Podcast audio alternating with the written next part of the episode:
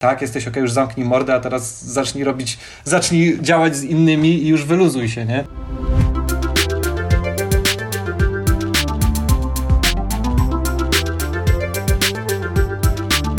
Bardzo się cieszę, że nagrywam kolejny odcinek mojego podcastu Nie Tylko Pytania. Tym bardziej się cieszę, że gościem jest dzisiaj jedyny, niesamowity w swoim rodzaju, wyjątkowy reżyser, improwizator, stand-uper, komik y, i właściwie muzyk, piosenkarz, y, multiinstrumentalista Maciej Buchwald. Cześć Maćku. Wzruszenie odebrało mi mowę. Cześć. Dziękuję. Co za wspaniała laurka. Ale bardzo fajnie, y, że jesteś. Tak naprawdę w moich oczach jesteś przede wszystkim członkiem Klancyka. W swoich oczach też, czy nie?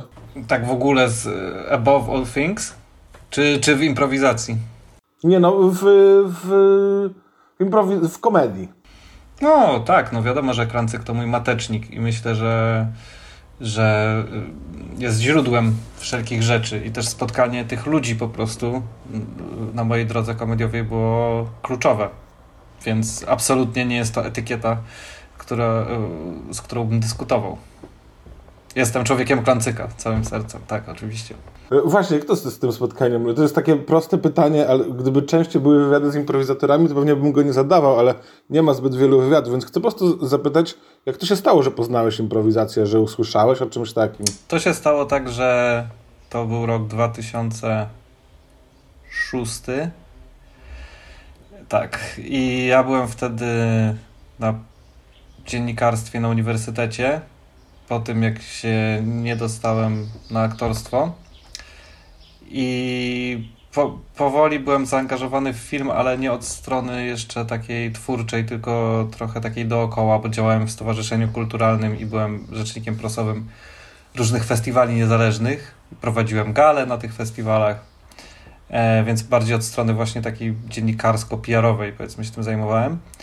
I moja koleżanka, która ze mną była w tym stowarzyszeniu, zaproponowała mi towarzyszenie jej w warsztatach aktorskich. Tak mi to przedstawiła i ja bardzo nie chciałem, ponieważ miałem wtedy traumę związaną z tym niedostaniem się na aktorstwo i w sumie nigdy nie lubiłem też tego typu zajęć, ale jakoś chyba, żeby nie było jej przykro, zgodziłem się, że jej pójdę, bo ona bała się i sama. No i okazało się, że te zajęcia to nie były do końca zajęcia aktorskie, tylko to były zajęcia z impro i prowadził je Michał Sufin z Magdą Staroszczyk. I na początku wydawało mi się to dosyć e, wieśniackie. To znaczy, Michał tam dużo mówił rzeczy o kulach energii i jakichś tam, wiesz, jakichś śmiesznych grach z kaczkami. Miałem takie. Mm, ale w sumie dosyć się dobrze bawiłem. I na, i na końcu ty, tego warsztatu była e, scena, e, wywiad z reżyserem, znana gra impro, w której jedna osoba gra właśnie reżysera i wymyśla fabułę, którą odgrywają inni improwizatorzy. I ja zapytałem, czy ja mogę wziąć w tym udział. No i zagrałem tego reżysera, co też jest zabawne e, i ironiczne w kontekście mojej osoby, ale zagrałem tego reżysera w scenie impro i jakoś bardzo mi to zabawnie wyszło. I nagle miałem takie, o kurcze, e, że można. Uświadomiłem sobie, że jest jakaś taka forma, która ujmuje z jakiejś struktury coś, co ja tak naprawdę robię całe życie, czyli kręcenie jakiejś takiej beki, wcielanie się w postacie, gadanie bzdur prosto z głowy, yy, że to, tym się można w ogóle zajmować. Ale to nie było też tak, że zakochałem się w tym od razu, tylko chyba jakoś tak egoistycznie spodobało mi się to, że dobrze w tym wypadłem. No i jakby był ten jeden warsztat i tyle. I później zdawałem drugi raz na aktorstwo i w ogródku Akademii Teatralnej spotkałem właśnie Michała z Magdą, którzy wtedy tam studiowali i powiedzieli, o cześć, pamiętamy cię, coś tam fajnie, co u ciebie, gadka, szmatka, nic, nic większego z tego nie wyszło, nie dostałem się drugi raz na aktorstwo, pojechałem do Londynu, yy, w którym przeżyłem, to nie jest na teraz rozmowa, ale różne dziwne przygody i byłem w bardzo kiepskim momencie mojego życia i wtedy przyszedł, yy, chciałem powiedzieć mail, ale to była chyba wiadomość na gronie od, od Michała, że hej, w sumie my trochę sobie tak improwizujemy ze znajomymi, może miałbyś o, czas, kiedyś ochotę wpaść się z nami powygłupiać. I przyznam, że ta wiadomość mi się spodobała, bo ona miała taką, taki posmak wejścia do jakiejś bohemy, ponieważ oni wszyscy byli starsi ode mnie o 3 lata może to nie jest dużo, jak się ma po 30 lat, ale jak ma się, ja miałem 19, oni 22, to wydawali mi się to dużo starsi i byli na, na tych studiach i obracali się wśród pisarzy i tak dalej. No to była taka wiecie, tak, wiecie, wiecie, panie Janku, taka, wiemy, wiemy, taka, arty, taka artystowska klika i to mi, to mi chyba imponowało i mi się podobało i też połechtało to moje ego, że jestem zaproszony do, do udziału w, tym, w tych wydarzeniach. Y, I okazało się, że to nie do końca wygląda tak, jak sobie wyobrażałem, że to są spotkania Wendy'ego Warhola i po prostu nie wiadomo, nie wiadomo, co tam się dzieje, tylko to była salka w Staromiejskim Domu Kultury. Y, Magda, Michał i Bartek Młynarski, później jeszcze Krzysztof Wiśniewski. E, no ale zaczęliśmy to impro uprawiać i zobaczyłem, że to jest coś, co mówiąc trochę pretensjonalnie, czekało na mnie całe życie. To znaczy, że to jest tak organicznie moje, że oczywiście nie byłem w tym jakiś wybitny od początku i robiłem masę zasad i przede wszystkim bardzo dużo czasu zajęło mi to, żeby nauczyć się grać zespołowo, a nie grać na siebie, ale to granie na siebie wynikało też z tego, że to byli ludzie, ja pierwszy raz spotkałem w życiu kogoś, kogo uznałem za śmieszniejszego od siebie i ich poczucie humoru bardzo mi imponowało i ja bardzo, bardzo mocno chciałem, żeby oni mnie uznali za równego sobie w humorze. Więc myślę, że bardzo też tak chciałem pokazać, że jestem śmieszny i chciałem być przez nich zaakceptowany. Mm, no ale tak to się właśnie zaczęło. Y, zabaw, zabawno-mroczny element tej historii jest taki, że jakoś z tydzień czy dwa y, po tym, jak to się wszystko zaczęło, y, w księgarni na Koszykowej zobaczyłem książkę Michała Sufina Warszawskie Wersety i mówię, o kurczę, kupię sobie, przeczytam. No i zaczynam czytać tę książkę, i, a książka była sprzed chyba roku czy dwóch, czyli jeszcze sprzed czasu, kiedy się poznaliśmy. I czytam tę książkę i nagle trafiam na rozdział, który nazywa się Buchwald. I mam takie, wow, wow, wow, co się dzieje? No i zaczynam, i rozdział zaczyna się od słów e, Buchwald wyglądał jak wyrzut sumienia Oświęcimia, wychudzony, coś tam, długi nos. I ja tak, co tu się dzieje? Jakby czy ten człowiek jest demiurgiem, który napis, opisał mnie w książce, stworzył, ja się, wiesz, no było to bardzo mindfuckowe, a, a w ogóle, żeby było dziwniej, okazało się, ponieważ była to y, książka z kluczem, postaci były e, odzwierciedleniem realnych ludzi z życia i akurat mm, postać Buchwalda to był w prawdziwym życiu Dawid Mlekicki, który odszedł E, z tej grupy zaczynającej robić impro i jakby ja wszedłem na jego miejsce. Czyli, oh, czyli myślę, że jeszcze, jeszcze dziwniej musiał się czuć on, jeżeli e, Michał nazwał go w książce Buchwaldem, potem on odszedł z grupy i do grupy na jego miejsce przyszedł Buchwald. To jest, to, to świadczy o tym, że Michał Sufin jest e, mm, wszechpotężną postacią, ale oczywiście on się tłumaczył, że to przypadek, że to nazwisko mu wpadło, nie wiem, bo, bo je znał, może kojarzył moją mamę ze świata teatralnego czy coś tam, ale przyznam, że, że trochę ciarki przeszły mi po plecach. I, no i trenowaliśmy w tym Staromiejskim Domu Kultury i najpierw e, to się przerodziło w grupę, która się nazywała Der Reistfleisch Kloschen, czyli gałązka klopsik. E, trochę graliśmy, potem to się przetransformowało w klancyka. Ale może ty naprawdę zostałeś stworzony przez e, Michała Sufina i nie istniejesz? Bardzo nie chciałbym, żeby tak było. Byłoby mi bardzo przykro. Może jesteś stworzony do występowania, jesteś stworzony do improwizacji, istniejesz tylko wtedy, kiedy ludzie na ciebie patrzą. Jasiek, ranisz mnie w tym momencie. W ogóle bardzo ciekawa jest y, dla mnie to twoja historia, jak cię znajoma zaprosiła, poszedłeś na te warsztaty, wydawało ci się dziwne, ale na koniec byłeś śmieszny i ci się spodobało, bo ja miałem dokładnie to samo. Mnie zaprosiła znajoma, która chciała na warsztaty, która też prowadził Michał Sufin, tylko to było już parę lat później. I ona mnie zaprosiła, bo się wstydziła. Ja z nią poszedłem na te warsztaty. No i jakby ona już więcej nie wróciła, ja zacząłem chodzić regularnie. Ale też było tak, że wystąpiłem w ostatniej grze. Ja wystąpiłem, dostałem jakieś śmiechy, uznałem, że no to w takim razie to się potwierdza, że jednak jestem śmieszny, tak jak myślałem całe życie. No i właśnie z takiej egoistycznej he, he, he zacząłem chodzić, żeby pokazać, jak jestem super. Ja jestem już bardzo poza etapem wstydzenia się, przyznania do egoistycznych pobudek. Myślę, że każda osoba, która wychodzi na scenę, jakby potrzebuje tej akceptacji różnego rodzaju, potrzebuje tego potwierdzenia, że jest fajna, śmieszna, ciekawa i tak dalej. I jakby nie widzę w tym nic strasznego, żeby wyłożyć kawę na ławę i przyznać, że tak, że ja w wieku 19 lat z wieloma problemami, z poczuciem własnej wartości, kiedy od tych starszych ludzi fajnych, śmiesznych, yy, dostałem taki rodzaj, yy, wiesz, glejtu że jestem zabawny, to bardzo mocno to podziałało na moje ego i niezależnie od tego, że oczywiście impro było fajne samo w sobie, no to jakby nie będę kłamał, że ojej, to była fascynująca sztuka, którą chciałem zgłębiać, tylko że jakby poczułem się bardzo doceniony i bardzo mnie to dowartościowywało i też y, co, co, co, też, co też y, nie jest rozerwalne, bo, bo, bo, to zna, bo to jest coś takiego, że znajdujesz swoje miejsce i czujesz, że możesz coś robić, w czym po prostu się dobrze czujesz. A oczywiście jest to też przyjemne, jeżeli to się podoba ludziom, no jasne. Tak, też mi się wydaje, że to się łączy, nie? że z jednej strony jest to sztuka, którą fajnie odkrywać, a z drugiej strony jesteś w nią dobry, więc całkiem miło, miło ją odkrywać. Nie? Przynajmniej w moim doświadczeniu. W no, wiem, że też. są ludzie, którzy mogą, wiesz, trenować improwizację e, bez w ogóle ambicji, żeby być na scenie i na przykład robić ją, bo, bo jest właśnie fajna, że to jest fajne uczucie, bo socjalizujesz się z ludźmi, bo trenujesz wyobraźnię. I ja wiem, że z moją osobowością nie jestem tym człowiekiem. To znaczy, gdybym na początku jakoś był bardzo zły w to, to myślę, że bym to zarzucił. Ja też, ja tak samo. Ale yy, właśnie a propos tego, że ludzie tak yy, często trenują improwizację, teraz pewnie coraz częściej różni uczniowie szkoły impro i tak dalej, właśnie nie po to, żeby występować. Yy, masz jakieś refleksje na, na temat tego zjawiska? Trochę się zmienia rola tych warsztatów improwizacji, nie? No, wiesz, w ogóle to jest temat rzeka. Ja miałem bardzo dużo refleksji słuchając twojej rozmowy z Martą i były różne wątki, z którymi się zgadzałem, było też sporo, z którymi się nie zgadzałem.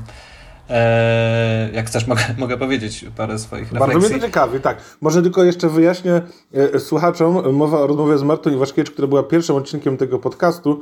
Ja teraz nagrywam na zapas kilka odcinków, więc dla Maćka rozmowa z Martą była niedawno, a dla Was pewnie już jakiś czas temu. E, tak, ale to nie będzie nic takiego, że jak ktoś nie słyszał tej rozmowy, to nie będzie wiedział, o czym mówimy. E, i, I może trochę będę skakał po tematach, ale wydaje mi się, że to wszystko się ze sobą łączy. Mm. Jasne, bardzo chętnie usłyszę. E, ponieważ ja też trochę mówię, w sensie mi się wydaje, że to robię jak, tak długo, że mm, moja pozycja może uchodzić za zgorzkniałą, ale raczej uważam, że jest po prostu taka, kiedy już wiesz, kiedy już wiesz i kiedy e, nie, nie, jakby nie, nie, nie jarasz się tak, że nie wiadomo, jakie niesamowite rzeczy z tej improwizacji wyjdą, ale też jest ok, jak jest. Jakby znasz jej limity i ograniczenia i, i to, co ona może zrobić, a czego nie może zrobić. I, I zaraz wrócę do tego pytania o warsztatach i po co się w ogóle to trenuje, ale chciałem się odnieść na chwilę do tego, co mówiła Marta i o czym rozmawialiście, właściwie o temacie, który ty zacząłeś, że, że to jest bardzo specyficzne pracować w grupie impro, bo to jak ktoś otworzy drzwi, jak spojrzy, że wszystko jest takie, pamiętasz ten wątek, takie bardzo, tak, tak. E, że wszyscy są bardzo wyczuleni na siebie. Ja uważam, że to w ogóle tak, Marta jest... mówiła, że, na, tylko przypomnę, że Marta mówiła o tym, że y, tak miała zwłaszcza na początku pracy w grupie tej resortowej, że bardzo była uważna na to, czy ktoś nie jest skrzywiony, czy ktoś nie jest obrażony, że cały czas to, to granie wchodziło w konflikt albo w ogóle w jakieś interakcje z takimi międzyludzkimi rzeczami, na jakąś takiej hiperwrażliwości, która wychodziła ze sceny też na po prostu relacje międzygrupowe. Tak. Y, I ja to rozumiem, tylko ja się nie zgadzam z tezą, że to jest wyjątkowe w impro. Uważam, że tak jest w każdej grupie, w której działają ludzie i tak samo jest w zespole aktorskim, w zespole muzycznym. Muzycy mają dokładnie tak samo, są tak samo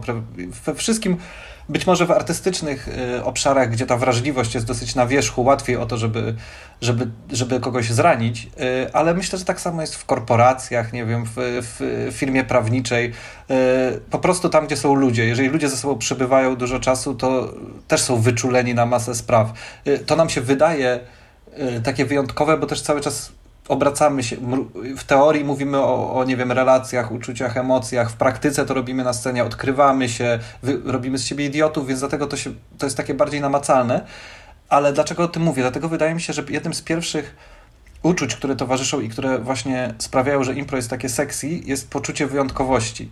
I to poczucie wyjątkowości y, może się przerodzić w sekciarstwo, y, a, ale może też się przerodzić w jakiś taki, y, w jakieś takie nieproporcjonalne postrzeganie tego, co robisz. Bo ja uważam, że impro jest bardzo e, e, dużym skillem, że to jest coś e, nie, nie, takiego częstego, nie każdy potrafi improwizować dobrze, ale też nie jest to leczenie ludzi ze ślepoty, wiesz o co chodzi, a jakby jest taka pułapka, że że jakby, że ludzie zachwystują się tą improwizacją, bo często właśnie nie mają nic poza nią. Ja też miałem taki etap, w którym ta improwizacja po prostu wydawała mi się, że dlaczego cały świat nie dostrzegł jeszcze impro? Przecież to jest najlepsza rzecz na świecie.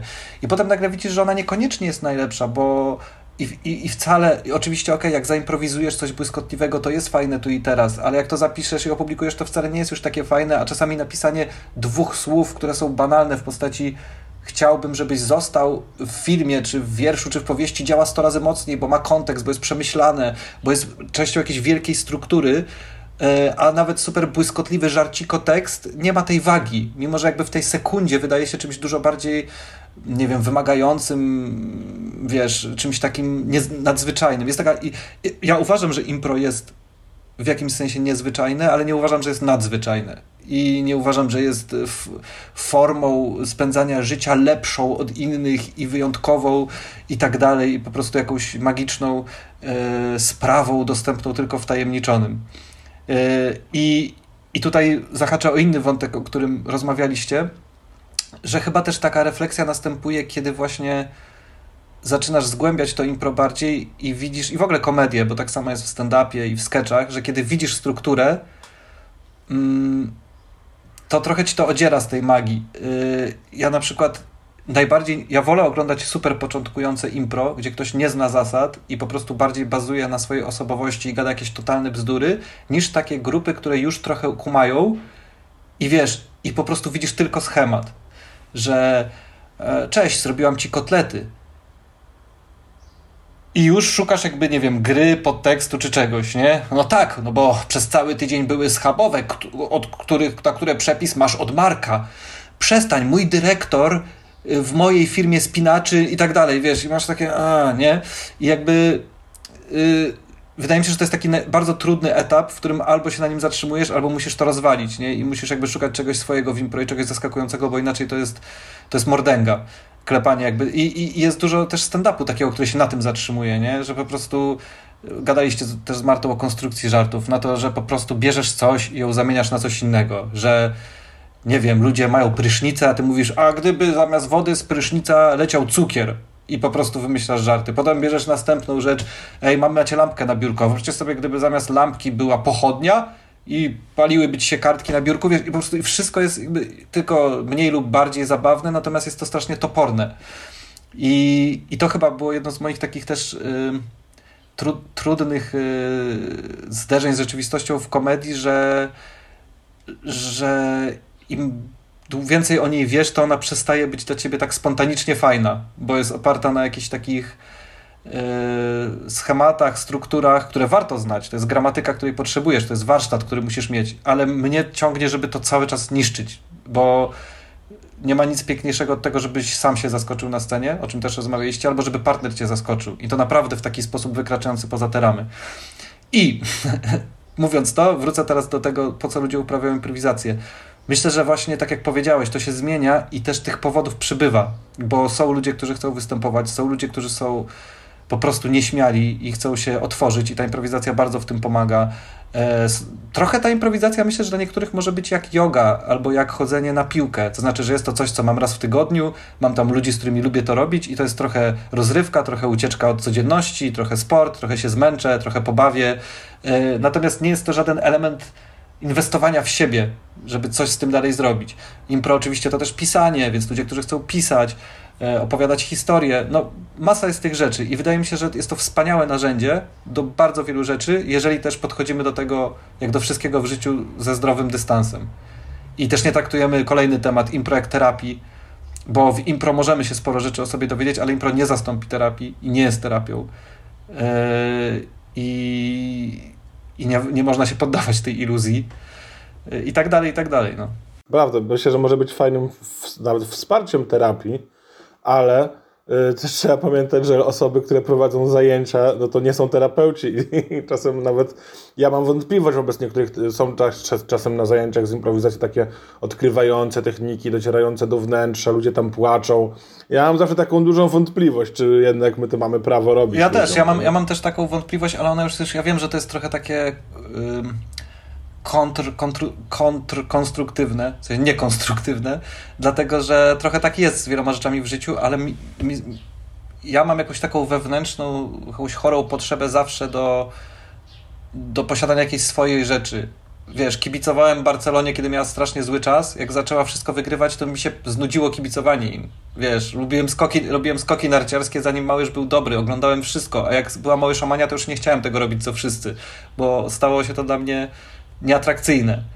Wiesz, bo nie było, nie było to moje, nie była to moja zajawka. I z impro trochę też, trochę też tak miałem, a ponadto w samym uczeniu i przekazywaniu wiedzy też jakby mnie odrzuca ta ten klimacik takiej piramidy, nie? Wiadomo, że nie wciskamy kitu, jakby to nie jest Amway, ale jest coś takiego, co na przykład też jest w coachingu, którego nie znoszę, że struktura pod tytułem uczysz się i zaczynasz uczyć, nie? Takiego wiesz. I, i, i oczywiście są ludzie bardzo dość... Czy nie jest tak wszędzie? No właśnie zacząłem wypowiedź od tego, że trochę to jest takie gadanie, bo trochę jest ze wszystkim, tak? Ale, ale że tu mam wrażenie, że ta ścieżka czasami jest tak błyskawiczna, że ktoś poszedł na dwa warsztaty i już uczy innych i naprawdę nie ma doświadczenia do tego i nie powinien tego robić, ale że to jest łatwy sposób, nie wiem, na zarobienie pieniędzy. I to, co Marta też chyba opowiadała, nie wiem, czy w rozmowie z tobą, ale kojarzy mi się z tym, jak, jak czasami rozczarowujące są festiwale, zagraniczne impro, gdzie to wszystko jest jakimś taką, ona mówiła chyba o Stanach, ale ja tego doświadczałem raczej w Europie na festiwalach, gdzie jest taka, wiesz, młódzka, nikogo tak naprawdę nie obchodzi, nie ma rozmów o improwizacji, tylko to jest trochę takie wszystko, to się staje już takim produktem i tak, wychodzimy i my też jesteśmy do przodu i wy też jesteście do przodu i świetnie, i następni, i wchodzicie za minutę, i minutę przedłużyliście i potem przypinki, a potem wspólny jam, a potem nara do domu i dotacja z miasta. Wiesz, że to wszystko jest takie że ja jestem jednak w rdzeniu, w sercu bardzo takim ofowym twórcą i oczywiście też się starzeję, więc przemawia przeze mnie zgorzknienie. Nie, nie mam już 20 lat i nie jestem najważniejszy, ale chodzi o to, że, że wiesz, to gdzieś tak, taka anarchia tego wszystkiego i robienie głupot w, na chłodnej, gdzie nic innego się nie działo, bardziej mnie interesowało od wielkiej struktury, w której jest mega dużo trybów i to się profesjonalizuje i tak dalej. To jest spoko, ale ja jestem romantykiem, jeśli chodzi o takie rzeczy. Może to jest jakaś kwestia wyjątkowości, nie? że fajnie jest być wyjątkową osobą, która e, kibicuje y, skokom narciarskim, nie? Jak to się, jak przestajesz człowiek być wyjątkowy, to też się nie robi takie fajne, nie? Że, no, tak. No, tak jak mówisz o, o tych y, żartach opartych na strukturach, nie? Ja, ja na przykład uważam, że fajnie jest się opierać na strukturach, bo jeżeli się na nich opierasz naprawdę mistrzowsko, to tego nie widać, nie? W sensie, dlatego męczące jak ty powiedziałeś, że nie lubisz oglądać tych grup, które tak się uczą, no to dla mnie pewnie rzeczywiście najbardziej męczące byłoby oglądanie kogoś, kto się dopiero uczy i robi zgodnie ze strukturą, ale pewnie najbardziej satysfakcjonujące byłoby kogoś, kto się już nauczył tej struktury. Nie no, masz, nie no, wiesz, w ogóle masz absolutną rację, bo to jest tak w każdej dziedzinie sztuki, nie? To znaczy, ja uważam, że warsztat filmowy i umiejętność opowiadania i dramaturgii jest niezbędna, tylko chodzi o to, żebyś oglądał film tak, żeby on cię porwał swoim nastrojem, emocjami, postaciami, historią i potem jak go sobie analizujesz, to mówisz, o kurczę, naprawdę w 17 minucie jest pierwszy punkt zwrotny, nie? A zły film jest taki, kiedy widzisz to, znaczy kiedy widzisz tą strukturę i widzisz, że po prostu rzeczy są budowane od linijki, a nie czujesz na przykład w ogóle, że to są żywe postaci, nie rozumiesz, co się dzieje w tym filmie, a widzisz tylko, że ktoś to napisał i tu musiał zrobić na siłę punkt zwrotny, a tu musiał zrobić konflikt i że to wszystko jest kompletnie nieciekawe. Ale jasne, oczywiście, że ja nie jestem za tym, żeby, nie chodzi mi o to, żeby negować te rzeczy, one są istotne i to w ogóle nie ma, masz absolutną rację. Trzeba przejść jakby wiesz, no, Picasso musiał malować realistycznie po to, żeby zrobić potem kubizm, nie? I od tego odejść. Natomiast bez, bez tej wiedzy podstawowej by tego nie zrobił. To nie jest tak, że jest, po prostu stwierdzisz, narysuję kwadrat i to jest wielka sztuka. No. Cały czas krążymy wokół takiego y, styku indywidualności z grupą, nie? Ca cały czas w różnych tematach. I zacząłeś na, na samym początku od tego, że na początku w improwizacji był dla Ciebie taki problem z tym, że się popisywałeś, tak to skracając do jednego słowa, grałeś na siebie i musiałeś odkrywać, jak to robić, żeby grać bardziej grupowo, żeby nie dostać tych, tych śmiechów.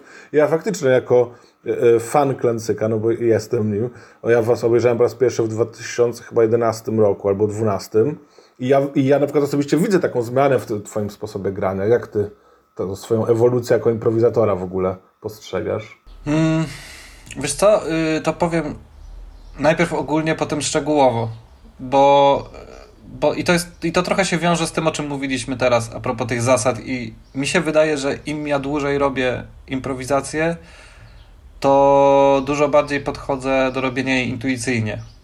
Że na przykład, jeżeli ja mam od jakiegoś czasu, chyba nie wiem, od dwóch lat duet z Asią Cluster, Pawluśkiewicz, który polega na tym, że nie mamy żadnej struktury, nie mamy niczego, nie trenujemy do tego, nie bierzemy żadnej inspiracji, po prostu patrzymy na siebie i zaczynamy grać. I czasem to wychodzi bardziej strukturalnie, czasem mniej, czasem bardziej dziwnie, czasami bardziej psychologicznie i to, i, a ja bardzo lubię te spektakle, bo ja naprawdę nie wiem, co się będzie działo. I ja w ogóle nie myślę improwizacyjnie w trakcie tych spektakli.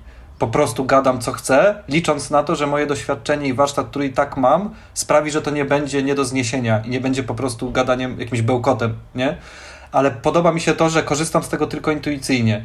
I jakby w ogóle tak, tak mi się wydaje, że tak czuję, że w jakimkolwiek tworzeniu, a uważam, że impro to też tworzenie i nie boję się powiedzieć, że to też jest rodzaj sztuki, że, że właśnie kiedy już to wszystko nazbierasz i oczywiście cały czas się rozwijasz, możesz poznawać nowe techniki, chodzić na jakieś kursy i to wszystko jest spoko, ale jak tą całą masz bazę tych wszystkich elementów, to właśnie to też nie chodzi o takie proste rozbicie, że aha, jest taka zasada, to zrobię jej przeciwieństwo, tylko chodzi o to, żeby się pozwolić naprawdę puścić, naprawdę i stwierdzić, ok, wiem, że się robi tak, wiem, że to są takie zasady, ale z jakiegoś powodu czuję, że teraz musi się pojawić niebieski ołówek i on się pojawi. Ale on jest wynikiem moich przemyśleń 15 lat.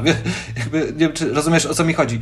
I teraz wracając do tego samej ewolucji w improwizacji, no to przez to, jaką ja mam osobowość, to myślę, że to nie był łatwy proces i że jednak zawsze mieć... I to, to nie jest tak, że to zostało wyeliminowane zupełnie, e, że ja, że ja nie szukam popisu, czy ja nie chcę zabłysnąć, ale myślę, że odkryłem też po pierwsze to, że że też bardzo dużą satysfakcję może ci sprawić wspólne osiągnięcie czegoś, jak i indywidualne, że po prostu najlepsze spektakle, które ja pamiętam, to nie są spektakle, w których ja zrobiłem jakiś. Po, bo pamiętam pojedyncze, na przykład moje, nie wiem, śmieszne postaci, czy że jakąś scenę zagrałem, w której ja zrobiłem coś śmiesznego, ale nie pamiętam tych spektakli. A jeżeli pamiętam ulubione spektakle, to pamiętam, co robili inni i pamiętam, jak ja dobrze się czułem jako element Y, tego całego zespołu, że ja wiedziałem kiedy wejść, kiedy się wycofać, kiedy tylko stać boku i się jarać tym, co moi super koledzy robią i tak naprawdę to jest więcej warte. No to jest trochę, to jest straszny banał, ale to jest trochę tak jak z otrzymywaniem i dawaniem prezentów, nie? Jak jesteś starszy, to jednak dużo więcej satysfakcji sprawia ci danie prezentu i to, że włożysz wysiłek, wymyślisz i zobaczysz radość na czyjejś twarzy, y, jest dużo bardziej satysfakcjonujące niż dostanie prezentu, choćby dlatego, że możesz sobie kupić ten prezent i i sam sobie wybrać, co ci się najbardziej podoba.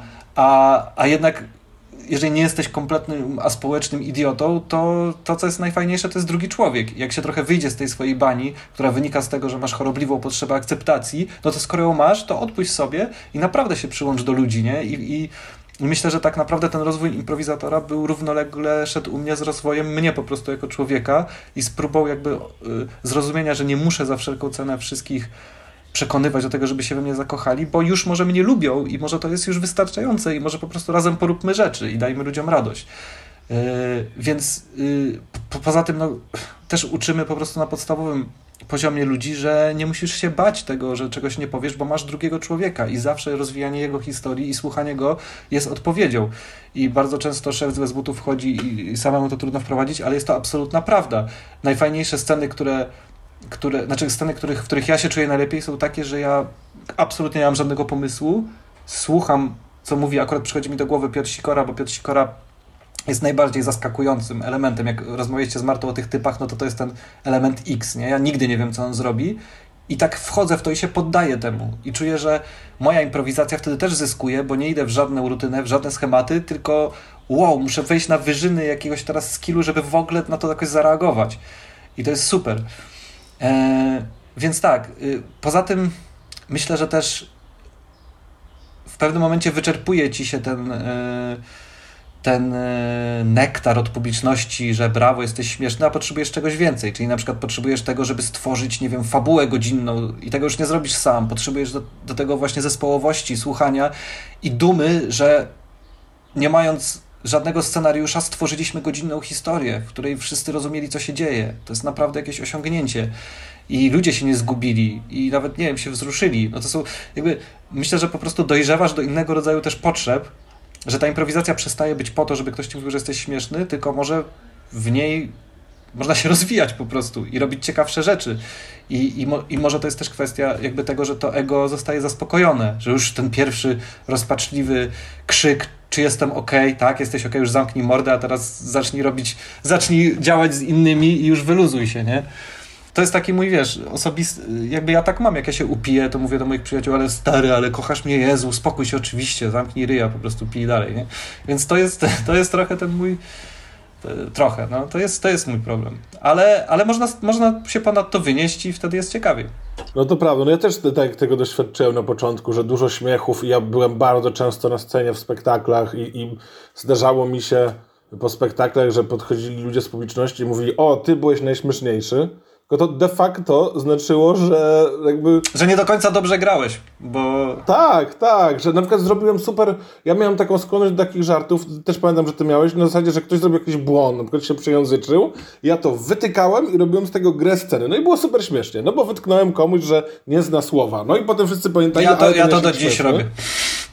No tak, ale mniej to robisz, mniej to robisz. Mam nadzieję, ale myślę, że moi koledzy z Klancyka by powiedzieli, że, że, że to robię i niestety no, to też, wiesz, no nie chcę wchodzić w, znowu, żeby się zamieniła ta rozmowa w terapeutyczne rzeczy, ale no niedaleko trzeba by szukać w moim życiu ludzi, którzy wytykali bardzo błędy językowe i co przeze mnie prze, przemawia w tym momencie.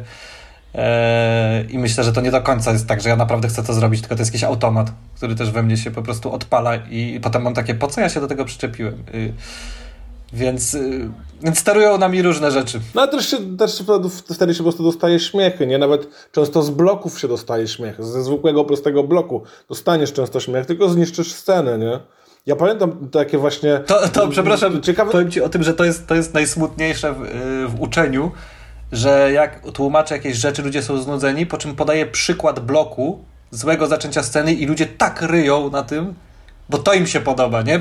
Podaję przykład dobrego rozpoczęcia sceny i mają takie, e, podaję przykład złego rozpoczęcia, mówię o takiej podstawie. Początkują, jakby pierwszy raz ludzie mają, pokazuję im, im przykład sceny, że ktoś mówi e, panie, e, tam, wasza wysokość, wróg u bram. I na to drugi improwizator mówi, mamo, jesteś pijana? Wiesz, e, taki rodzaj takiego bloku, a ludzie, o, ale śmieszne. I ja mam takie, o nie, nie. Ale tak jest, jak oglądasz impro i, i scena zaczyna się nudno, to znaczy, że będzie ciekawie, nie? W sensie, jeżeli oglądasz na przykład długą formę i przez pierwsze 5 minut ludzie tak se po prostu gadają, no to raczej znaczy, że to się fajnie skończy. A jeżeli od razu jest ogień, no to pytanie, co oni zrobią dalej, nie? To prawda. Już nie da nic więcej. To prawda. Bardzo, w, impro, w impro można się bardzo szybko wystrzelać. To prawda, niestety. Ale też ja pamiętam takie spektakle, które teraz tak sobie wspominam jakieś z hulajem na różnych festiwalach. Ja nabyłem w którymś momencie ogrom takiej umiejętności czerpania ogromnej satysfakcji z niewchodzenia do scen. Kiedy ja się powstrzymuję, dwie osoby grają scenę. Mieliśmy tak parę razy w hulaju, że graliśmy na przykład w trzy osoby. I na przykład cały wątek to było 10 minut, kiedy dwie osoby grają scenę. Ja stoję z boku i ja aktywnie improwizuję, nie wchodząc do sceny. Cały czas się zastanawiam, czy wejść, czy nie i podejmuję decyzję, że nie i wtedy pozwalam, nie wiem, Agnieszce i Gasowi zagrać piękną Ja, ja myślę, że miałem jeszcze etap przejściowy, taki, że przeczekiwałem całą scenę po to, żeby wejść na puentę. żeby i, i tak naprawdę zebrać całą śmietankę, bo już był moment, że ta scena widać, że nie do końca już improwizatorzy, którzy w niej są, wiedzą jak ją zakończyć i wtedy ja wchodziłem na przykład, wiesz, robiąc coś w stylu nagle jakiś twist, ale taki zamykający. I ludzie, a i, i jakby ratowałem tą scenę trochę, ale było to też takie, że dobra, nie było mnie w tej scenie, ale będę jej kluczowym elementem. A potem, ale nie, to co ty mówisz jest absolutnie prawdziwe, w sensie w ogóle kurczę, no to też ja boję się mówić takie rzeczy, mam wrażenie, że co mówię taką rzecz, to ona brzmi tak właśnie banalnie i ogólnie, ale no trudno, no takie jest życie, że, że wiesz, nauczenie się w ogóle umiaru też w jakimkolwiek tworzeniu i tego, że rezygnacja może być tak samo wartościowa jak y, jakaś aktywność, jest bardzo ważną we wszystkim, nie? W poezji, w, w, w tym, w filmie, w, w kwestiach, jak jesteś na scenie, w tym, ile powiedzieć, a czego nie powiedzieć, w dialogach, no, w, ka w każdej sztuce, nawet w życiu. No. W sensie, na przykład, jak ja sobie patrzę na to, co robiłem w życiu, to często jestem bardziej dumny z rzeczy, których odmówiłem, niż z których zrobiłem. I tego, i tego że miałem odwagę. Odmów Wiesz, co chodzi, że jakby y, zwycięstwo przez wycofanie, samotność długodystansowca, to są takie taka postawa, która jest mi bardzo bliska i mimo, że ona jest trochę sprzeczna z tym właśnie, z tą, z tą częścią egoistyczną mojej osobowości, która bardzo chce się pchać, to to, to, to to dużo lepiej smakuje, kiedy właśnie jesteś w stanie wiedzieć, kiedy ci nie powinno być. I zgadzam się z tobą, że to jest również aktywny udział. Jak najbardziej. Nie? Ja pamiętam, że y, taką definicję grafomanii, że grafomania to jest pisanie za dużo. Pamiętam też chyba to z Różewiczem był jakiś wywiad i zapytali, zadali mu pytanie, jak pan pisze. Najgorsze pytanie, jakie można zadać, ale on na to odpowiedział całkiem na serio. Odpisał, skreślam. Nie? I no tak, tak to wygląda. Nie? Na przykład pisanie stand-upu polega w bardzo dużym stopniu na, na selekcji, na selekcji. No, absolutnie. no w ogóle selekcja, nie? To też jest słowo klucz do tego, że bo, bo impro no to jest trochę właśnie o tych nudnych początkach, nie? Impro jest, daje ci wszystko. W sensie może, nie masz żadnych barier. Możesz zacząć scenę od tego, że powiedzieć dzień dobry panie czołgu, lody waniliowe się skończyły. Ale możesz też, o kurde, świetna w ogóle że a możesz też wyjść i powiedzieć wróciłaś, nie? No i jakby na czym polega selekcja? Że wywalasz czołg, wywalasz lody waniliowe, wywalasz jakiekolwiek fakty, wydajesz tylko jakieś takie otwarte pytanie czy stwierdzenie, ale które jednak jest emocjonalne. No i co jest lepsze? Jednak to drugie. I to nie znaczy, że wszystkie sceny mają się zaczynać odwróciłaś, ale to jest ta umiejętność selekcji. Ty wiesz, że możesz powiedzieć dzień dobry, panie czołgu, lody wanilowe się skończyły, ale twoja selekcja była tym, że mówisz na przykład samo, nie wiem, lody się skończyły. I wywalasz z tego czołg, nie? W sensie wiem, że to są absurdalne przykłady, ale, ale o to chodzi, no. No tak, bo jakbyś powiedział, dzień dobry, panie czołgu, lody się skończyły, to ty byś dostał śmiech, ludzie by wyszli po słabym spektaklu, powiedzieli, e, tak sobie było, ale śmieszny ten taki chudy, nie? A jakby, a jakbyś powiedział wróciłaś, to ludzie by się w ogóle nie zaśmiali, ale scena by się potoczyła i prawdopodobnie na koniec by się skończyło czymś naprawdę fajnym i ludzie by wyszli i powiedzieli, świetny spektakl. Albo, Jak kto był najlepszy, albo jeszcze, nie wiem, każdy był super. Albo jeszcze w jakimś e, super wydaniu na przykład y, mieliby, ale kurczę, mądra scena. Nie w sensie, że, że nie tylko by ich śmieszyło, ale też byłoby to jakoś życiowe, bo, bo są też moje przemyślenia. Ja, ja na przykład kiedyś za wszelką cenę w filmie chciałem mieć oryginalne pomysły, nie? I teraz jakby w ogóle nie mam czegoś takiego, że one są oryginalne, tylko dużo, dużo bardziej mnie interesuje, żeby one były przejmujące, żeby one były albo, wiesz, albo śmieszne, albo smutne, wzruszające i nie muszę tam mieć y, człowieka kontenera na śmieci, który mówi, że mu wali z ust, że to może być człowiek, który mu wali z ust i po prostu mu współczujemy, rozumiesz? I jakby to wcale nie znaczy, że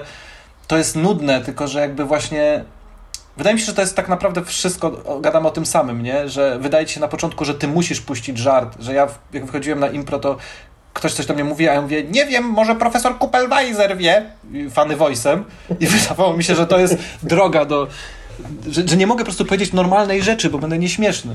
A potem nagle wiesz, a potem nagle nie wiem, okazuje się, że grasz najlepszą scenę w życiu i jesteś bardzo śmieszny, kiedy zachowujesz się jak normalny człowiek. Jesteś, nie wiem, super spokojny, mówisz bardzo mało słów, ale właśnie w, tak jesteś w tej scenie i w kontekście tego, co mówi partner się dzieje, okazuje się, że to jest rewelacyjne, ale dzięki twojej selekcji. I ty w ogóle, no, podstawowa zasada impro nie staraj się być śmieszny. I ona, dopiero jakby moim zdaniem po latach można ją zrozumieć co to znaczy nie staraj się być śmieszny. To nie chodzi tylko o to, że masz nie robić śmiesznych mini głosu, ale naprawdę nie starać się być śmiesznym.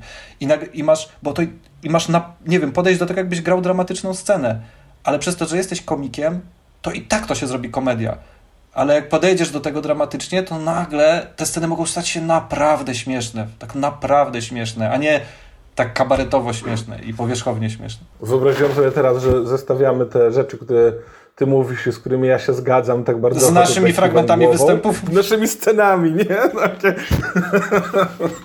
No myślę, że byłoby strasznie. No ale wiesz, ale no jakby teoretyzujemy, nie? Poza tym yy, tak. teoria... Poza tym na pewno też gramy takie sceny, nie? Ja, jest tak i tak, jest różnie, nie? Ja, cały czas potrafię rzucić strasznym grepsem i sucharem i rozwalić scenę, ale potrafię czasem ku swojemu zaskoczeniu właśnie zrealizować to, o czym mówimy. Ale to też w impro, wiesz, tak wiele zależy od tego, w jakim, jakby w jaki jest dzień, jaki jest mood, jaki, jest klimat na widowni, co się akurat stało, nie? Czasami poddajesz się w ten wir i nie wiesz, dlaczego spektakl poszedł w tę stronę. Yy, w sensie pozytywnym i negatywnym, że nagle jest zajebisty spektakl i ty nie masz pojęcia dlaczego, nic na to nie wskazywało na początku, a czasami jest jakaś totalna siara i tak wow, i masz takie, w którym momencie to się stało, nie? W którym momencie to się wypytało spod kontroli. I to akurat jest fajne w impro, że to jest jednak niezależnie od doświadczenia, warsztatu i całej tej wiedzy jest zawsze nieprzewidywalną materią. I, i to jest spoko. Tak jak już mi się skojarzyło to, co powiedziałeś wcześniej o tym, jak grasz Zasią Pawłyszkiewicz w klastrze, że gracie bez przygotowania z taką bardzo otwartą formą. Ja, ja w sumie robię dosyć podobnie, jak raz na miesiąc mam w resorcie ten mój wieczór Parę Niedowiary, gdzie zapraszam komików z różnych grup i, i on polega właśnie na, na duetach. I tam też jest tak, że ludzie mnie pytają, a jak mamy grać, a w jakim stylu? I ja celowo mówię, że nie powiem, że jakby, że nie mamy określonego stylu. Nie robię żadnej rozgrzewki dla improwizatorów przed, przed spektaklami. I pytają mnie ludzie, którzy w tym grają, dobra, Jasiek, o której mamy być? Ja im świadomie mówię, że mają być za pięć. Żeby nie było absolutnie żadnego przygotowania. W sensie wchodzimy, jeszcze mają, jeszcze tam są dodatkowe zadania wytrącające z tego, co na co dzień robimy. No bo ja już widziałem dużo Armando i ja kocham Armando, nie? W sensie bardzo fajnie i chętnie w tym gram, ale, ale właśnie zróbmy coś innego, kurczę, nawet proste zejdźmy ze sceny. Dlaczego my nigdy nie schodzimy ze sceny, nie? A jak schodzimy, to jest to pretensjonalne często. No wiesz, no to jest, to jest tak samo jak z improwizacją każdą, muzyczną też, nie? Jeżeli muzycy grają ileś tam lat i grali ileś formatów i chcą się spotkać, to też prędzej niż powiedzą, to zagrajmy klasyczny, jazzowy standardzik, to wolą powiedzieć, wiesz co, zacznijmy i zobaczymy, co z tego wyjdzie i też będą mieli z tego dużo większy fan. Na przykład jak byłem w Stanach i wpadłem gościnnie na jakieś warsztaty do Annoyance, y, do gościa, u którego mieszkałem i grałem z ludźmi, z którymi nie mają pojęcia, jaki mają styl, jak grają i nic nie było umawiane, no bo jakieś tam powiedzmy jedno założenie tych scen, to tak naprawdę ja czułem, że ja jestem gorszy w jakimś sensie niż y, normalnie, bo gram po angielsku i jestem niepewny, bo nie znam partnera, a z drugiej strony, mimo że byłem gorszy, to czułem się jakoś lepiej, bo to było ekscytujące. Postąpałem totalnie po nieznanej ziemi. I, I, miałem taki dreszczyk jak po prostu w początkach impro 15 lat temu, nie? Że, to, że jest coś za coś, że nie masz tej rutyny, w której jesteś bezpiecznym i spasionym kocurem, który zbiera tylko śmietankę z publiki, ale dzięki temu masz adrenalinę i naprawdę musisz to poeksplorować. I, i, to, I to wytrącanie się z rutyny myślę, że jest kluczowe. Zawsze, zawsze, jak się tworzy. A w impro, które wydaje się tak zawsze świeże, a jest paradoksalnie właśnie bardzo podatne na rutynę, to trzeba zawsze się z niej wytrącać. Tak, tak, zawsze kiedy grasz gry. Wiesz co, poruszyłeś taki wątek? muzyczne chwile, przepraszam, tylko że muzyczne chwile powstały tak naprawdę z mojej dziubaka poczucia trochę rutyny w impro i, i tego, żeby nagle zacząć śpiewać improwizowane piosenki. One, one wyszły z tego, żeby się trochę wydurnić, czyli wrócić do korzeni impro, w której masz się wygłupiać yy, i robić coś, czego nie robisz. Ale to dygresja, przepraszam, bo pytanie zacząłeś zadawać. Nie, oczywiście, to jest rozmowa z tobą. Bardzo mnie ciekawi, co powiesz na taki temat, bo, bo poruszyłeś troszkę to wcześniej, ale chciałbym bardziej przycisnąć o to. Yy, czy improwizacja powinna coś wnosić? Bo jak rozumiem, nie wyobrażasz sobie innej improwizacji niż komediowa. Ona gdzieś tam musi być komediowa. Tak, tak bym się domyślał, że uważasz. Chyba, że się mylę, ty mi zaraz powiesz. Ale czy w ogóle twoim zdaniem improwizacja powinna coś wnosić, czy wystarczy, że jest śmieszna, bekowa i nara? Hmm, znaczy w ogóle odpowiadając na pytanie, czy improwizacja musi być komediowa, to ja uważam, że nie, nie musi, ale, ale ja chyba nie chciałbym uprawiać niekomediowej. Yy, co więcej, są improwizacje niekomediowe, no, tylko to są bardziej jakieś psychodramy i właśnie wiesz, teatralnej, jakby, że we współczesnym teatrze jest sporo takich rzeczy, że na przykład jest fragment spektaklu, który nie jest napisany i on się, i go się improwizuje. Tylko my tu mówimy o konkretnej formie. Impro czy improv yy, jest po prostu ko ko improwizowaną komedią. Więc takie jest założenie tego. Tak to wymyślił Johnston i Viola Spolin i tak dalej, nie? Natomiast uważam, że można improwizować niekomediowo, tylko mój osobisty punkt widzenia jest taki, że po co? W sensie chodzi o to, że, że po co robić na przykład improwizowany, dramatyczny spektakl, skoro można go napisać i zagrać superowo, że tam, bo, bo jednak w improwizowanej komedii jest dodatkowa wartość tego, tej błyskotliwości, nie? I tego, że na miejscu wymyślasz ten humor i reagujesz, bo, bo w ogóle humor w życiu ma charakter spontaniczny, nie? Wszystkie sytuacyjne żarty dzieją się z tego, że o, coś się dzieje, kurde, ktoś pierdnie, nie? Przecież chodzi o to, że, rzeczy dzieją się nagle, że rzadko kiedy humor w życiu jest zaplanowany, bo nawet jeżeli planujesz, nie wiem, pranka na kimś, no to ten humor jest w momencie, kiedy on jest nim zaskoczony. Więc dlatego y, improwizacja w komedii ma sens, bo możesz zaskoczyć i siebie, i widzów, i ludzie też śmieją się często z tego, że ty jesteś zaskoczony, że coś ci nie wyszło. Natomiast jeżeli robisz poważną improwizację, to, to wcale nie widzę specjalnej wartości w tym, że nie wiem, ludzie będą nagle coś poczują. W sensie dla mnie to już śmierdzi pretens pretensjonalnością, jakimś, wiesz, eksperymentem i takim, to ja już wolę zobaczyć mądry spektakl napisany, przekminiony z naprawdę, wiesz, dojściem do jakiejś emocji i czegoś, nie? Nie, nie jakby, ale przyjmuję, jeżeli ktoś ma inne zdanie. Więc ja absolutnie, oczywiście może być improwizacja komediowa, ale moim zdaniem akurat improwizacja dużo bardziej sprawdza się w komedii niż w niekomedii. Bo nawet jeżeli masz film dramatyczny, gdzie nie chcesz pisać sztucznych dialogów i dajesz je do improwizowania, to często one zyskują lekkość i humor przez to, że są improwizowane, a nie zyskują powagę i wymiar dramatyczny. Nie, raczej się to robi po to, żeby odciążyć dialogi, a nie je y, sprawić, żeby były lepsze, jakby ważniejsze, nie? A komedia? Kiedy już się zajmujesz komedią, czy to nawet, nawet też stand-upem, czy twoim zdaniem wystarczy, że komedia jest śmieszna, czy komedia też fajnie jak ktoś wnosi, czy powinna coś wnosić? Wiesz co, to też jest kurde kolejny temat rzeka. Myślę, że trzy godziny można by o tym rozmawiać. Jeżeli spróbuję jakoś skondensować mój pogląd na tę sprawę, to z... ja uważam, że rzeczy muszą mieć zawsze jakąś dominantę. To znaczy, że na przykład mogę oglądać kryminał, który jest, yy, nie wiem, yy, nieśmieszny i nieemocjonalny, ale ma super ciekawą intrygę, w której ja po prostu się zastanawiam, o co chodzi, kto zabił, ale tu jest dużo twistów i mi to, wiesz, i to jest najważniejsze, intryga mogę oglądać film, który nic mi nie powie o życiu, ale jest ekstremalnie śmieszny, albo nie wiem, scenę naprawdę śmieszny, nie? I, a mogę obejrzeć czy scenę impro, scenę, czy stand-up, że jest po prostu coś tak strasznie śmieszne, nie wiem, durne, totalnie nic ci to nie daje, nic ci nie mówi o życiu, ale jest tak śmieszne, że płaczesz ze śmiechu, a obok masz scenę, która nie jest tak śmieszna, ale jest strasznie mądra, że masz takie kurcze. I dla mnie to jest gdzieś równoważne, nie? Tylko, że musisz mieć, że musisz mieć świadomość, co dominuje. Tak jak, nie wiem, oglądasz film Woody, Woody'ego Allena, mówię o jego filmach z, lat 7, filmach z lat 70., tych dobrych, to nie oczekujesz, że zobaczysz piękne zdjęcia. Nie oczekujesz, że będzie jakaś wartka akcja. Oczekujesz fajnych dialogów, humoru i trochę jakiejś refleksji na temat życia, nie? Ale jak oglądasz y, filmy, y, nie wiem, y, y Tarkowskiego, to oczekujesz zupełnie czego innego. I tego nie da się porównywać, czy to jest lepsze, czy gorsze, tylko wiesz, jakby co tam jest ważne. Nie? Jak, i, i, i, jak idę na slashera, to chcę, żeby były w, w, bardzo finezyjny sposób wymyślone kolejne morderstwa i żeby była w tym ta slasherowa beka. Jeżeli idę na dramat, to chcę naprawdę przeżyć emocje międzyludzkie, a nie muszę mieć na przykład efektownej kamery. A jak idę na Gwiezdne Wojny, no to chcę czegoś innego, nie? I i w tym, w tym sensie uważam, że może być komedia, która nic nie daje, a jest super śmieszna, jeżeli takie jest jej założenie. Oczywiście idealnym połączeniem jest to, co ty mówisz, że to, znaczy w ogóle ja najbardziej lubię rzeczy smutno-śmieszne, komediodramaty, tragikomedie, rzeczy, które, tak jak Ricky Morty, nie? Ricky Morty jest bardzo śmieszny, ale też bardzo dużo jest tam o emocjach ludzkich, o relacjach, a jeszcze do tego cała sfera science fiction. Więc on spełnia i to, i to. I wiadomo, że ja to wolę, natomiast akceptuję rzeczy, które nie mają tych ambicji, bo całą parę ładują na przykład tylko, żeby była beka, nie? Że e, wiesz, od leci z nami pilot, nie oczekujesz refleksji życiowej. Yy, ale spoko, jakby przeginamy tam pałę, bo nam wolno, bo w filmie, który miałby ci więcej powiedzieć, może. Bo Ricky Morty jest animacją. Gdyby Ricky Morty był fabułą, to nie wiem, czy byśmy kupowali tak wszystkie bzdury, które tam są i jednocześnie tak samo wymiar ludzki. Pewnie byłoby trudniej. E, I,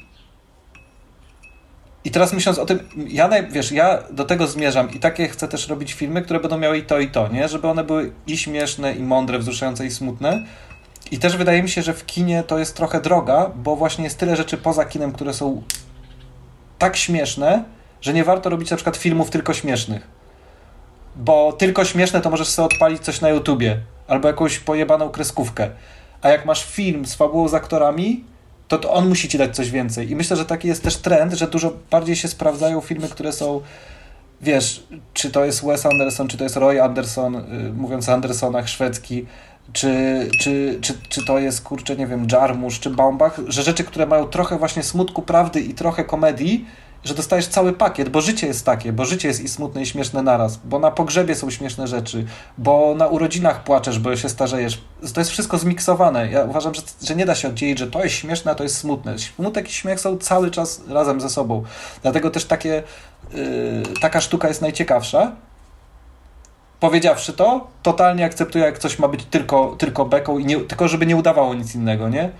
Na przykład to, był, to, było, to było moje wielkie rozczarowanie yy, w pierwszym filmem Rickiego Gervaisa, czyli Invention of Lying, że bardzo lubię, lubię Rickiego Gervaisa, jego humor i wiesz, uważam, że dziełem jego życia są jego monologi na Złotych Globach, bo tam właśnie, bo tam on tylko ciśnie i jest w tym świetny, po czym zrobił ten swój film, yy, który, nie wiem, czy go widziałeś, nie, ale, właśnie nie widziałem. To no jedyna to, rzecz jego, której nie widziałem. No to premis tego filmu jest taki, że jakby nie ma na świecie kłamstwa, nie? Że wszyscy ludzie mówią totalnie prawdę i nagle jest człowiek, który odkrywa kłamstwo.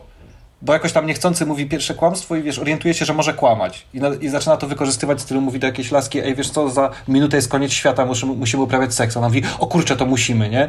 I, I, są tam bardzo śmieszne tam rzeczy w stylu, że Sparman, którego gra Louis C.K. i on mu próbuje wytłumaczyć, na czym polega kłamstwo, a ten nie zna kłamstwa, więc wszystko, we wszystko mu wierzy. On mówi, ty, jestem jestem y, czarnoskóry. Nie wiedziałem, nie mam ręki, współczuję. Wiesz, że jakby on mówi jakieś totalnie rzeczy. No i to jest śmieszne, ale w pewnym momencie ten film zmienia ton jakby na taką opowieść o tym, dlaczego nie warto kłamać. Wiesz, i, i, i, staje, tak, i staje się, i staje się takim, cie, takimi ciepłymi, ciepłymi kruchami i ten Ricky Gervais obcina sobie, wiesz, obcina sobie jaja, które wywiesił na początku filmu, nie? I I, Masakra. I, I to, i uważam, że to jest właśnie przykład takiego złej próby połączenia tego, że masz i bekę, i coś mądrego, bo to jest jakiś banał i gdyby ten film był tylko beką i był cały czas taki jak początek, to uważam, że byłby fajny, nie? Że miałbyś po prostu naprawdę byś się wyśmiał na nim i po prostu ten pomysł z tym, że ludzie nie, nie znają kłamstwa, nawet mógłby się skończyć z tym, że ten bohater, nie wiem, oszukał cały świat i dalej byś go lubił, bo to byłobyś, nie oczekujesz od tego jakiejś psychologii, a kiedy się wpuszcza taką tanią psychologię, w której takie tanie moralizatorstwo, to masz takie ble. Tak, o Jezu, Ricky Gervais to samo zrobił z serialem Extras, który był świetny, a zakończył się znowu jakimś takim moralizowaniem i po prostu nie oglądałem to i nie wiedziałem, jakby miałem wrażenie, że ktoś mi robi prank, jak to się zmieniło. Ale słuchaj, to samo, to samo było w filmie Ted, bo na przykład, wiesz, y, no, Family Guy też się już trochę zestarzał, ale powiedzmy, że miał kiedyś swój dobry czas i w Family Guy było tak, że były głupoty beka i był morał, ale ten morał też często był beką, nie? Że w sensie nauczyliśmy się dzisiaj tego, że i, i następowało coś durnego, że on nie miał ambicji, żeby naprawdę coś powiedzieć. Po czym jest film TED, w którym jest ten misiek, który kurde gada jakieś bzdety i nagle też pod koniec filmu jest jakaś opowieść o akceptowaniu siebie, ale taka wiesz, podana po prostu wprost, jak właśnie w, jakiejś, w jakimś pretensjonalnym telewizyjnym filmie i masz takie po co? Jakby ten film nie jest, nie, jest, tak, nie potrzebuje tak, tak. tego, no. No ja z Rickiem Gervaisem też, on zrobił serial Derek, który mi się bardzo podobał, tam, moim zdaniem special, potem zrobił świąteczny, który nie wyszedł, ale ten serial Afterlife akurat teraz wyszedł drugi sezon.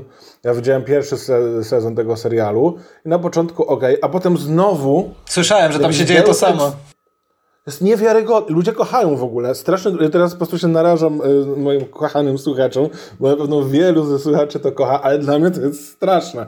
Bo jest całkiem śmieszne, całkiem fajny pomysł, gdzieś tam nawet poruszające. I tak jeszcze, o, ciekawe co on z tym zrobi, bo tak balansuje między komedią a tragedią, bo to jest super rejon w ogóle do tworzenia, nie? I nagle Deus Ex Machina, wszystko się tak poprawia, wszystko jest pięknie i są takie sceny, które no, wygląda jak parodia filmu, który ma wzruszać. Takie po prostu, jeszcze tylko brakuje, żeby on... Był taki moment, że tam jest taki jakiś montaż pod koniec tego pierwszego sezonu, że takie się dzieją piękne rzeczy. I ja rzuciłem do osoby, z którą to oglądałem, żart, co by się jeszcze mogło wydarzyć, już takiego przesadzając. I to się, to się wydarzyło. No, ale, to, ale widzisz, nie, ja się... Błagam. Ale bo też, bo też yy, uważam, że nie do końca wcale jest tak, że można, no bo, że można, nie wiem, połączyć właśnie w super sposób humor i tragedię, tak jak Roy Anderson na przykład robi, nie? Yy, a, a, albo źle jak Ricky Gervais, więc można robić tylko humor, bo ja twierdzę, że można robić tylko humor, pod którym i tak się przedostanie jakaś prawda o życiu, nie? W stylu Monty, Monty Python, że Monty Python Y, typu, film typu Życie Briana, czy nie wiem, Sens życia według Monty Pythona, one nie miały w sobie tego, nie miały tych banalnych przekazów, miały czystą bekę od A do Z, a i tak ci mówiły coś o życiu, nie? W sensie ja twierdzę, że twój stosunek komediowy, nawet jeżeli to jest tylko komedia, też ci powie coś o życiu przez sam absurd, nie? Przez samą jakby... Y, I to jest dużo bardziej szlachetne i dużo fajniejsze, nie? To, co potrafi zrobić czasami Raczkowski jednym rysunkiem że on jest śmieszny, ale widzisz pod spodem, i nie mówię wcale o rysunkach politycznych jednoznacznie, tylko jakichś takich, kurczę, e, nie wiem, no, że pa, pa, pamiętam jego taki rysunek, e, że tam e, był taki program Zrób to sam w telewizji, że można sobie zrobić album z jakiejś szafki. I że pan sobie w domu robił, robił ten album z drewnianej szafki, i potem siedzi z tym albumem, a obok ma rozwaloną szafkę, nie? I jakby wiesz, i, i to jest. Że, nie wiem akurat dlaczego to mi przyszło do głowy, ale chodzi mi o to, że, że są czasami tak subtelne rzeczy, które są właśnie tylko komediowe i nie muszą nazywać żadnych ważnych tematów, a coś takiego nienazywalnego przenoszą ci życiowego. I, i ja. I, I wiesz, i mi się wydaje, że na przykład, nie wiem, w klancyku najbardziej mogły dotrzeć do ludzi wcale nie y, sceny, w których my nagle przybieraliśmy poważny ton i nawiązywaliśmy do czegoś moralizatorsko, tylko na przykład zrobiliśmy o ziemniakach wiesz, scenę, które, nie wiem, się kochają i to się przeniosło na jakiś ludzki poziom. Wiesz, o co mi chodzi? Że można robić totalną bekę, a naprawdę, a naprawdę, kurde, tak, coś, tak, nie coś przenieść. robić.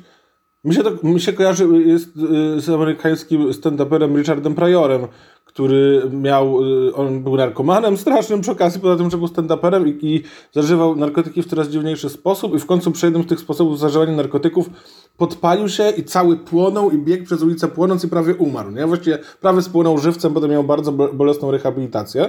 No i on opowiadał tę historię, jak to się wydarzyło, znajdując cały czas w niej śmieszne rzeczy, ale to jednocześnie cały czas była historia o tym, jak człowiek uzależniony od narkotyków tak mu bardzo zależy, że prawie spłonął żywcem, ale on tam nie zrobił żadnego morału. W sensie dla mnie po latach odsłuchania jest jakiś taki morał, że e kurde, trochę słabo jest być aż tak bardzo uzależnionym, bo się robi pojebane rzeczy. Ale on tego nie zakończył. No i słuchajcie, dlatego właśnie nie należy zażywać narkotyków i trzeba kochać małe dzieci i wąchać kwiatki.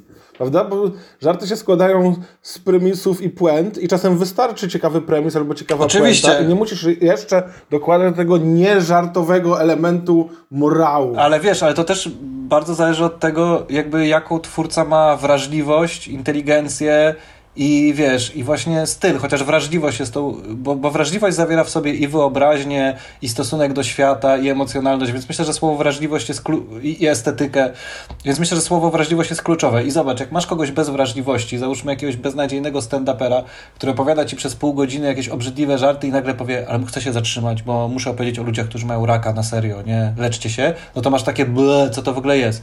Ale jak masz klocucha, który zawsze robi bekę, i nie wchodzi nigdy w ten ton, nigdy tej beki nie przerywa, a, a ile mówi o życiu? Masę rzeczy, nie? Potrafi, potrafi przekazać masę swojego stosunku do świata i wrażliwości i komentarza społecznego, ale nigdy nie wychodzi z beki. To jest zawsze w formie tak, beki. Tak. I da się to zrobić. W sensie, on nie ma czegoś takiego, że dobra, no już mam teraz ambicję powiedzieć coś więcej, to na chwilkę wyłączam ten bekowy ton, tylko to jest zawsze w bece. tak, no pewno w jakiejś jego piosence, tylko on opowiada o szkole, coś tam, że wypiję w stołówce herbaty, nie mam numeru do taty. I on po prostu to, nie mam numeru do taty wtrąca w serię takich e, spostrzeżeń, jak to było w szkole, nie? No i to kurde jest no, jakby trochę smutne, trochę straszne, ale też ja się teraz uśmiecham, jak to No słuchaj, a piosenka o tym, że tam pada deszcz i że on idzie do Biedronki i że i po, i po prostu, że on że tam, ja mam to samo, ja mam to samo w Biedronce, do której... Że kupił chipsy i na koniec się orientuje, że wcale nie lubi nawet tych No, chipsów. ale, ale ja mam to samo, co on, że tam nie można przejść, bo ktoś jedzie na ciebie wózkiem, że cały czas to się przepycha i potem ktoś cię zaczepia i pyta o rodzaj bułek, ale ja nie wiem, ja tu tylko kupuję i nie zbieram żadnych punktów, nikt nie chce, już idę. I to jest przecież... I to wiesz, jest bardzo groteskowe jako śpiewa, a to jest, a to jest ala wiesz, dzień świra, nie? Koterskiego. W sensie to jest ta, taka, tam jest y, taka męczarnia codzienności i przytłoczenia, tylko w formie komediowej, nie? I więc da się to zrobić. Ja mam w ogóle taki e, problem z niektórymi wystąpieniami, jak jest yy, kosmos. Ja sprawowałem się dzisiaj w kosmosie, albo w wieczór wrażliwych chłopców. To takie wieczory w restorcie komedii, takie trochę ala open mic'i, że każdy może przyjść i powiedzieć coś od siebie. I tam często są takie występy, bo, bo, bo, to są takie wieczory wrażliwej komedii i to jest super w ogóle motyw, Agnieszka to wymyśliła, macie kto też ciągnie w, w nieco inną stronę, ale to są super wieczory dla mnie. I tam z niektórymi wystąpieniami jest tak, że ktoś wchodzi i mówi swoje zwierzenie, no bo to jest taki wieczór wraż większej wrażliwości, takiej większej otwartości, większej y, szczerości. Mówi swoje zwierzenie i wychodzi. I koniec. Jakby nie ma nic z tym, nie? W sensie i masz ja rozumiem, że to są ważne rzeczy, tak? Że na przykład ja pamiętam jakieś takie wystąpienie, yy, jak ktoś opowiadał jakąś serię krzywd, które mu się w życiu wydarzyły. No i okej, okay, fajnie, ale to mimo wszystko jesteśmy w resorcie komedii, to mimo wszystko jest komediowy wieczór i na pewno z tych krzywd da się dodać jakiś element kreatywny, nie? Tak jak Klocu, który po prostu śpiewa głupią melodię i głupim głosem i fajnie rymuje, nie? I już masz element. To dodać puentę, nie? I to byłoby super mocne. Niestety się zbliżamy do nierozwiązanego tematu, co jest śmieszne, nie? To już jest subiektywne, no bo jednak wiesz, jest też radykalna komedia, nie? Wychodzi, nie wiem, e, Andy Kaufman i czyta tego Gatsbiego, nie? I po prostu to robi. I jak ludzie mówią, że ma dosyć, czy ma puścić płytę, to puszcza z płyty, jak czyta Gatsbiego. I wiadomo, że tam jest koncept i to też jest w tym śmieszne. No właśnie, ale, jest pomysł. Ale jakby wyobrażam sobie też, że ktoś mógłby wyjść, mówić coś, co w ogóle nie jest śmieszne, ale on by też taki był, że tylko to jest kwestia też to jest kwestia chyba też właśnie czucia sceny, nie? I tego, że wyjdziesz i będziesz to tak cisnął, że to się stanie śmieszne. Nie wiem, wolno, wolno szczerze, prawdziwie i że tam, nie wiem, że okazuje się, że nie ma tam żadnego żartu i ty mówisz coraz gorsze rzeczy, nie? Aż to się staje tak absurdalne, że śmieszne. Okej, okay, jeden sposób, jest, jest ich pewnie miliard. E, natomiast w tym, czy ty mówisz, bo nie widziałem tego, nie wiem, o jakim wystąpieniu mówisz, ale, ale podejrzewam, że ta pułapka trochę jest polega na tym, co mówiliśmy o tym, dlaczego improwizacja nie jest terapią, że, że fajnie jest powiedzieć e, o czymś osobistym, emocjonalnym ze sceny, ale jeżeli to jest komedia, to to nie wystarcza. W sensie tak jak w poezji nie, nie wystarczy to, że się w kimś zakochałeś i napiszesz spadam w czarną otchłań i czarne kruki mnie gonią, bo ty czujesz, że ktoś ci dał kosza, ale my o tym nie wiemy i my tylko widzimy strasznie źle napisany tekst i twoje emocje nie są wystarczające. Albo jak kręcisz film w którym dokładnie na, na, aktor gra ciebie, jak płaczesz w łóżku, to my też tego nie poczujemy, bo nie wiemy, co ty przeżyłeś. I więc jakby to, że wyjdzie się na wieczór wrażliwych chłopców i powie się o swoich krzywdach, nie wystarczy, nie? jeżeli dasz temu kontekst, że opowiesz o sobie w śmieszny sposób, polubimy cię, może tak, ale że to nie, nie temu ma służyć, nie? I teraz tak, Hannah Gatsby powiedziała, co powiedziała, ale też użyła do tego struktury komediowej i zrobiła manipulację widzami i, i jakby rozbiła ten schemat komediowy i to wszystko miało ręce i nogi. To też nie było tak, że ona weszła i powiedziała, nie będę teraz w ogóle robić stand-upu, tylko przez godzinę będę mówić o, o tym, jak, jak trudno mają osoby homoseksualne i jak komedia jest y, zdradliwa i w ogóle macie siedzieć i słuchać jak na szpilkach, nie? Tylko też to, to, to było ubrane w coś. I, i, i, to jest, I to jest, wiesz, to jest trochę, trochę taki też temat tego, że ważne nie zawsze znaczy, nie wiem, atrakcyjne i potrzebne. To, to, że nie wiem, jest problem aborcji, to nie znaczy, że możesz zrobić gówniany film o aborcji i on będzie z jakiegokolwiek powodu dobry. Nie będzie. A się czasem może być z innego powodu dobry. Na przykład myślę o niektórych wystąpieniach. One byłyby na przykład perfekcyjne, może nawet na slamie poetyckim, Niektóre pewnie byłyby super, bardzo odważne, wspaniałymi e, wystąpieniami na e, spotkaniu, nie wiem, anonimowych alkoholików, ale to nie są wystąpienia na scenę komediową, nie? Że często zapominamy o tym, ale to też może jest, może to jest taki paradoks, nie? No bo gdzieś tam ten wieczór, e, ten wieczór kobiet, ten wieczór mężczyzn, one troszkę powstały w takiej reakcji na wulgarność komedii, która zwłaszcza w stand-upie się zdarza, nie? I, I często rzeczywiście, jak, jakby, jak sobie wyobrażam złego stand-upera, no to zło, zły stand-uper wychodzi i jakby pierwsze, pierwsze słowa już są o e, seksie oralnym i dzieciach, nie? To będzie pierwsze. Ale wyobrażam sobie też inny typ złego stand-upera, którego pierwsze słowa to będzie mam depresję. Ostatnio mój terapeuta no tak. powiedział mi, że... Oczywiście, oczywiście, absolutnie się z tobą zgadzam. No akurat wiesz, komedia jest o tyle chyba łatwiej z nią niż y, na przykład ze slamem poetyckim, że jednak ona jest subiektywna, ale y, w, danym, y, w danej sytuacji występu jest bardzo łatwo weryfikowalna. Albo jest śmiech, albo go nie ma. Nie? Oczywiście może być tak, że masz dobry materiał, trafisz na nie twoją publiczność i to nie znaczy, że byłeś zły, tylko akurat tutaj nie dostałeś responsu. Ale powiedzmy, że, ale powiedzmy, że jeżeli jesteśmy zawodnikami komediowymi, to trochę się godzimy na ten rodzaj sędziego, nie? Masz występ i w ramach tego występu ludzie mają się śmiać. Jak ty to zrobisz, to jest twoja brocha, prawda? Czy zrobisz to pod publikę, czy zrobisz to szlachetnie i po prostu zdobędziesz ich swoją wrażliwością, e, to no, trzeba trochę odłożyć na bok to, czy oni się nie znają, albo że to nie był mój dzień, tylko jakby trochę to weryfikuje. Jakbyśmy mieli, wiesz, odczyty wierszy, to nie sprawdzisz tego, yy, kto się bardziej podobał. No okej, okay, może być brawa większe czy coś, ale jakby jest to niezmierzalne w żaden sposób. A ludzie mają tak różne gusta, że wiesz, że okej, okay, każdy, każdy każdy człowiek myśli, to jest też śmieszne, bo my możemy sobie mówić, wiesz, ci co kumają jak my, to wiedzą, że e, wiesz, The Office jest fajne, a nie wiem, e, Buła i Spuła jest trochę gorszą komedią, ale z kolei ludzie, którzy nie rozumieją The Office i lubią Bułę i Spułę, zresztą znam, mam znajomych, którzy lubią, przepraszam ten przykład, muszę coś gorszego dać.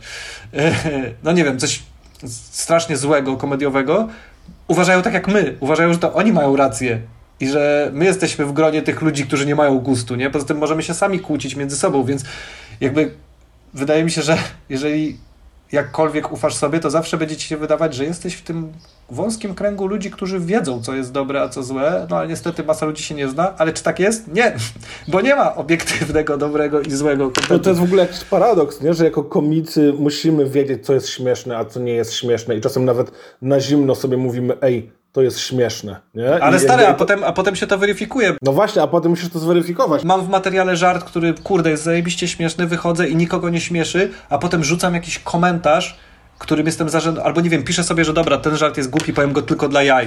Yy, I on nagle wchodzi do materiału, bo mega śmieszy ludzi. I, a ja tego nie rozumiem, bo on mi się wydaje średnio śmieszny. A to, co mi się wydaje tak śmieszne, spotyka się z po prostu z wręcz z niesmakiem. No tak, mam to samo w moim materiale stand-upowym. Mój największy hit jest y, z rzeczą, która, no okej, okay, no nie też nie powiem, że, że mi się nie podoba, ale tak sobie napisałem na zasadzie, e, he, dobra, głupie, nie? I to jest mój największy hit, którym zamykam, no bo wiem, że zawsze się z tego nie zaśmieją. Mam parę super żartów, genialnych, ale to trzeba mi uwierzyć na słowo, bo nikt się z tego nie śmieje. Ale to też wynika z tego, że no, nie masz widzów złożonych z jaśków, nie? Gdybyś miał widzów złożonych z Jaśków, to, to, by, to by ich to bawiło. Nie, ale to jest też bardzo ciekawe, bo, bo wiesz, yy, nie wiem, ktoś mówi ojeju, uwielbiam, nie wiem, Jesselnika, nie? Ojeju, jaki on jest wspaniały. A ja idę do tego Jesselnika mówię, no jest okej, okay. ale na przykład, nie wiem, dużo bardziej śmieszy mnie Galifianakis, nie? I to nie znaczy, że, że któryś z nich, że da się zmierzyć, który z nich jest lepszy. Da się pokazać różnice w ich komedii, tym jak konstruują żarty, jakie mają tematy, ale generalnie to wszystko rozbija się od tego, że ten akurat trafia w ciebie, nie? Y, słuchasz, ja słucham Sufiana Stevensa i mam wrażenie, że on pisał tą muzykę dla mnie, nie? Że po prostu, kurde, ona trafia we mnie całego, a ktoś tak ma, nie wiem, z jakimś Iron and Wine, czy, czy, czy, czy nie wiem, jakimiś innymi zespołami, polecam, ja tego słucham i tak, no ładna muzyczka, ale mnie nie rusza, nie? Nie robi mi czegoś w środku. Bo to jest sztuka, no. I, I akurat twoja wrażliwość się pokrywa z tym i być może przyszedłby ktoś, kto by na te twoje genialne żarty miał takie, o Jezu, to było to, nie? To było najlepsze, bo akurat ma, y, ma tą samą ten sam, to samo poczucie humoru jak ty, a niestety z całą resztą musisz znaleźć pewne pole wspólne, czyli trochę dać żarty, które ty mniej lubisz, ale oni polubią i się dogadać. I to nie chodzi wcale o robienie żartów pod publikę, nie, że ty masz robić żarty o seksie oralnym z dziećmi, których nie lubisz, tylko że w tej swojej wrażliwości znaleźć taką część, która też będzie bardziej zrozumiała, nie? Podam ci, podam ci idealny do tego przykład.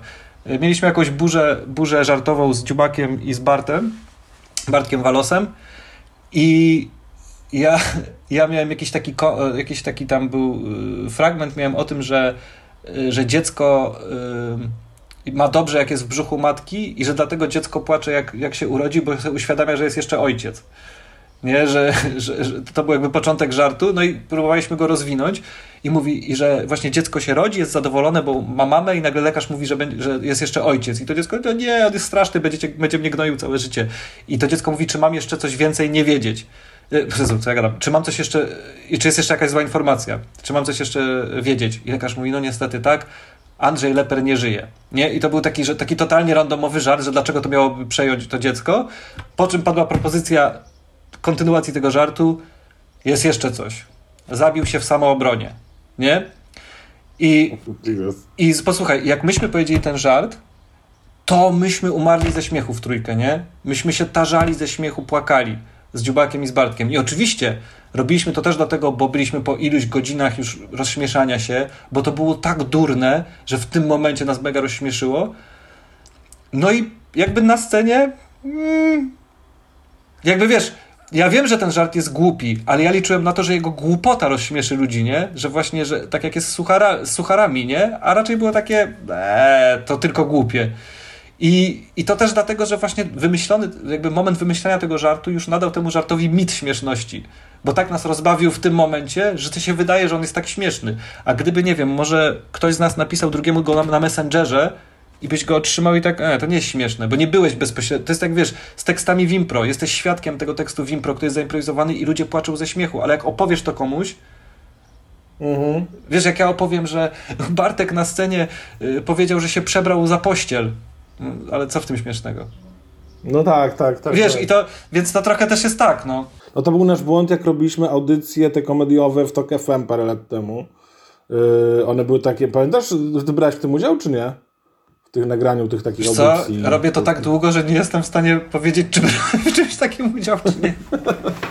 Bo to była cała seria, więc bardzo możliwe, że nie, bo to było do TOK FM i to, i to jakoś tam rano leciało, bo tam jakiś był 5 czy 10 minutowy segment. Chyba I to polegało na, na tym, że przychodziliśmy, ja też tak nie za często w tym brałem udział tak naprawdę, ale że się przychodziło do studia i najpierw my sobie siedzieliśmy i myśleliśmy, co będzie śmieszne, a, taka scena, słuchaj, no, ktoś wchodzi do supermarketu i e, chce tylko warzywa, a nie ma warzyw, nie? I rozkminiałem sobie, i nam się to robi śmieszne w tej rozmowie, a potem odgrywaliśmy tę scenę, jak ktoś wchodzi do supermarketu i chce warzyw i nie ma warzyw i to... Nie było śmieszne. Zdaniem to nasze...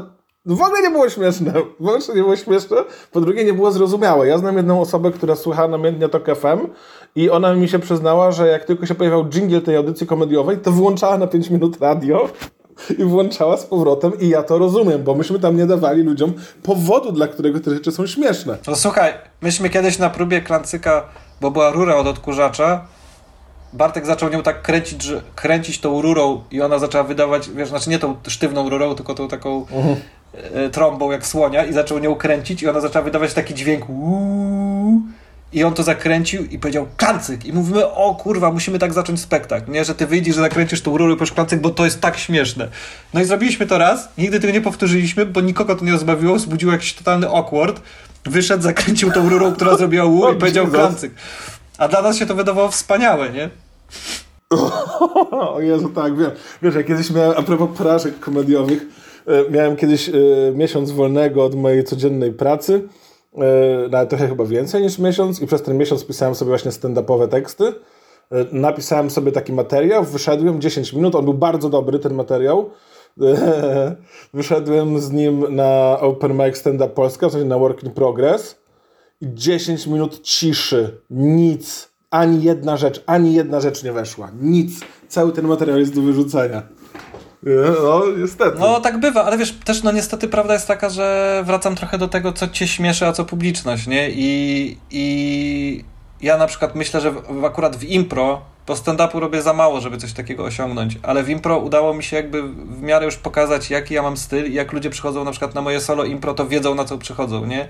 I yy, czasami, bo czasami przychodzą ludzie inni, którzy na przykład, nie wiem, lubią załóżmy klancyka albo małą grę i na tym solo mają takie, e, to mi się nie podoba, nie? Albo odwrotnie. Ale jak już ludzie znają, co ja robię w tym solo i im się to podoba, to mogą na to przychodzić. A na przykład w stand-upie też miałem tak jakieś dwa lata temu czy trzy, jak byłem na trasie, że miałem 8, tam 7 minut normalnego stand-upu, a potem siadałem do keyboardu i grałem na pianinie i mówiłem żarty przy pianinie. I to był mój ulubiony fragment tego, nie? W sensie ja, to mnie najbardziej śmieszyło z mojego materiału, bo to były też takie suchary grane z taką sentymentalną muzyczką, że mówiłem historię swojego życia, ale ubraną w suchary. W stylu, że, w stylu, że nie wiem, nic mi się nie udało, bo trenowałem taniec towarzyski, ale się okazało, że nie jestem towarzyski, że wiesz, jakieś takie po prostu same takie i i, tylko, że mi, tylko, że mi się podobało, że to ma też taką formę, że ja właśnie robię a jakby w zestawieniu tej trasy, gdzie występowało tam, wiesz, 10 komików i wszyscy robili stand-up, jakby to było źle. Ja zebrałem dużo hejtów za to, nie? Takich komentarzy, no spoko, ale po co to pianinko, że wiesz, Maciek Muchwal to może niech sobie da spokój, bo już nie ma pomysłów na stand-up i wyjeżdża z jakimś durnym pianinkiem, że raczej ma mało, chyba nie było ani jednego komentarza w stylu wow, to było ciekawe, inne, fajne, tylko raczej były negatywne na temat tego, nie? I zbierałem mimo, że tam niektóre te żarty śmieszyły ludziom, ale raczej była taka w ogóle niezgoda na to, że ja coś próbuję zrobić takiego. I, a poza tym, załóżmy, że nawet to się po prostu ludziom nie podobało, mieli prawo, to ta przykrość polega na tym, że mi się to dużo bardziej podobało od tego mojej poprzedniej części, nie? Że mnie bardziej by interesowało coś takiego. Eee, no i prawdopodobnie, gdybym to cisnął, to znalazłbym swoją mniejszą publiczność, bo jest to coś dziwniejszego, która chciałaby żarty pianinkowe i byłoby to nie 5000 osób na tej wielkiej sali tam, tylko 100 osób, 50 osób, 20 osób, które by przychodziło raz na miesiąc na moje pianinkowe żarty. I też trochę trzeba mieć tego świadomość, nie? Jak chcesz być komikiem sta stadionowym i grać dla 30 tysięcy ludzi, no to być może albo się do tego nie nadajesz i może ja nie jestem takim komikiem, bo jeżeli komików dzielisz na stadionowych i knajpia, knajpianych, to jestem na pewno zdecydowanie bardziej knajpianym niż stadionowym, to, to musisz trochę zmienić styl, nie? Znam muzyków, których muzykę lubiłem bardziej, kiedy grali ją innego typu, a, za, a zaczęli ją grać po to, żeby mieć większą publiczność, nie? A z kolei mam, zna, mam znajomych, którym się bardziej podoba ta ich nowa muzyka. I to nie jest zmierzalne, czy ktoś z nas ma rację, to po prostu jest coś innego. Wiesz, no to jest też, ale czasem to też może być kwestia tego, czy przypadkiem jednak nie trzeba, może jakiś po prostu błąd w tym tkwił, nie? To jest też trudne, czy to po prostu było nieśmieszne, jest do wyrzucenia, czy też to śmieszy tylko, było bezbłędne, czy też to śmieszy tylko mnie, czy na przykład może trzeba dać jakiś inny premis do tego, nie? Czy może wczoraj było coś takiego, przesłał mi Antek Stryk Dąbrowski coś, żebym powiedział, czy śmieszne i uznałem, że absolutnie nieśmieszne, że w ogóle co on mi wysyła ratunku. Po czym Antek, dopiero po tym, jak obejrzałem ten film, to były jakieś 3 minuty, powiedział mi, jaki jest do tego premis, jak on chce to sprzedać ludziom. I się okazało, że z tym premisem to całe jest zajebiście śmieszne, nie? To mi się wstecznie okazało śmieszne. Więc czasem jest kwestia, może na przykład to pianinko trzeba, nie wiem, inaczej zrobić. No to jakby bardzo trudno. Może właśnie nie, nie w ty, a może to to, co ty mówisz, po prostu nie w tym miejscu. Pogrzebałem już pianinko, Jasiek, spokojnie. Może, że... Nie, zrób pianinko, ale, opracujemy. Ale, ale nie, oczywiście to, co mówisz jest, jest yy, prawdą. To znaczy, no, ko komedia jest też właśnie ta, dlatego tak ciekawa, bo czasami zamienisz szyk w zdaniu i nagle coś nieśmiesznego jest śmieszne albo na odwrót albo wywalisz jedno słowo, i się, bo, bo, bo jednak jedną z najważniejszych rzeczy w komedii jest, jeżeli nie najważniejszą, jest timing, nie? Timing, który dotyczy zarówno slapsticku, że ktoś się musi wywalić w tym momencie, w tym momencie zaskoczyć, i timing podania żartu. Jak przeciągniesz żart, to ta sama puenta przestanie być śmieszna. Jak powiesz za szybko puentę, nie zdążysz nabudować premisu. I to jest, to jest totalna prawda, nie? Że, że, że, że, że w sensie, nie wiem, jeżeli byś e, wyszedł i powiedział nie wiem, jakiś, wiesz, tekst.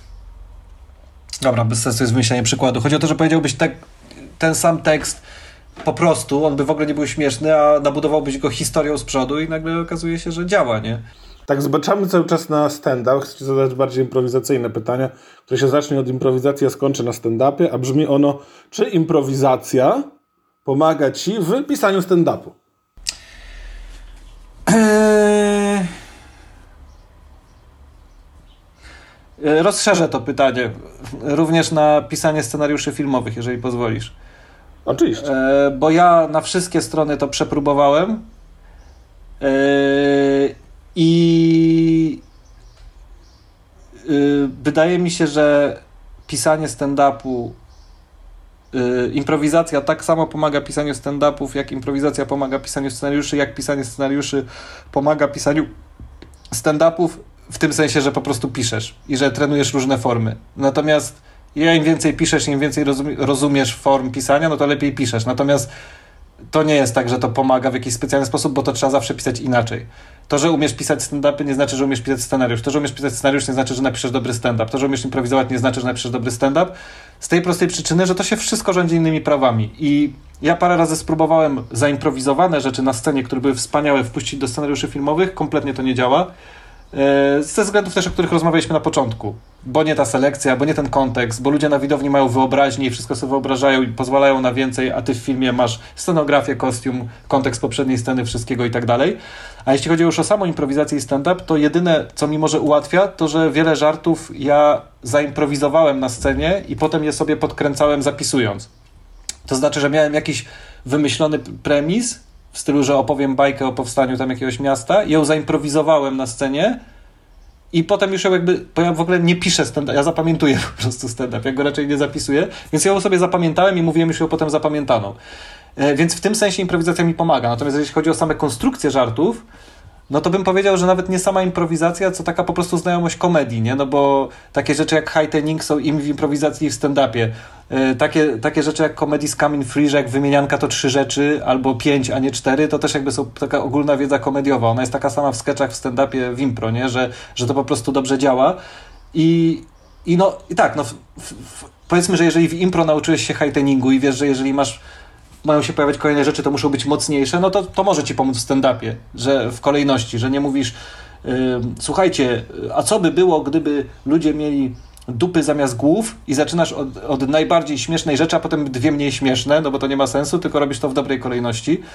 E, ale taki, be, takiego bezpośredniego przełożenia nie ma. No, yy, wydaje mi się, że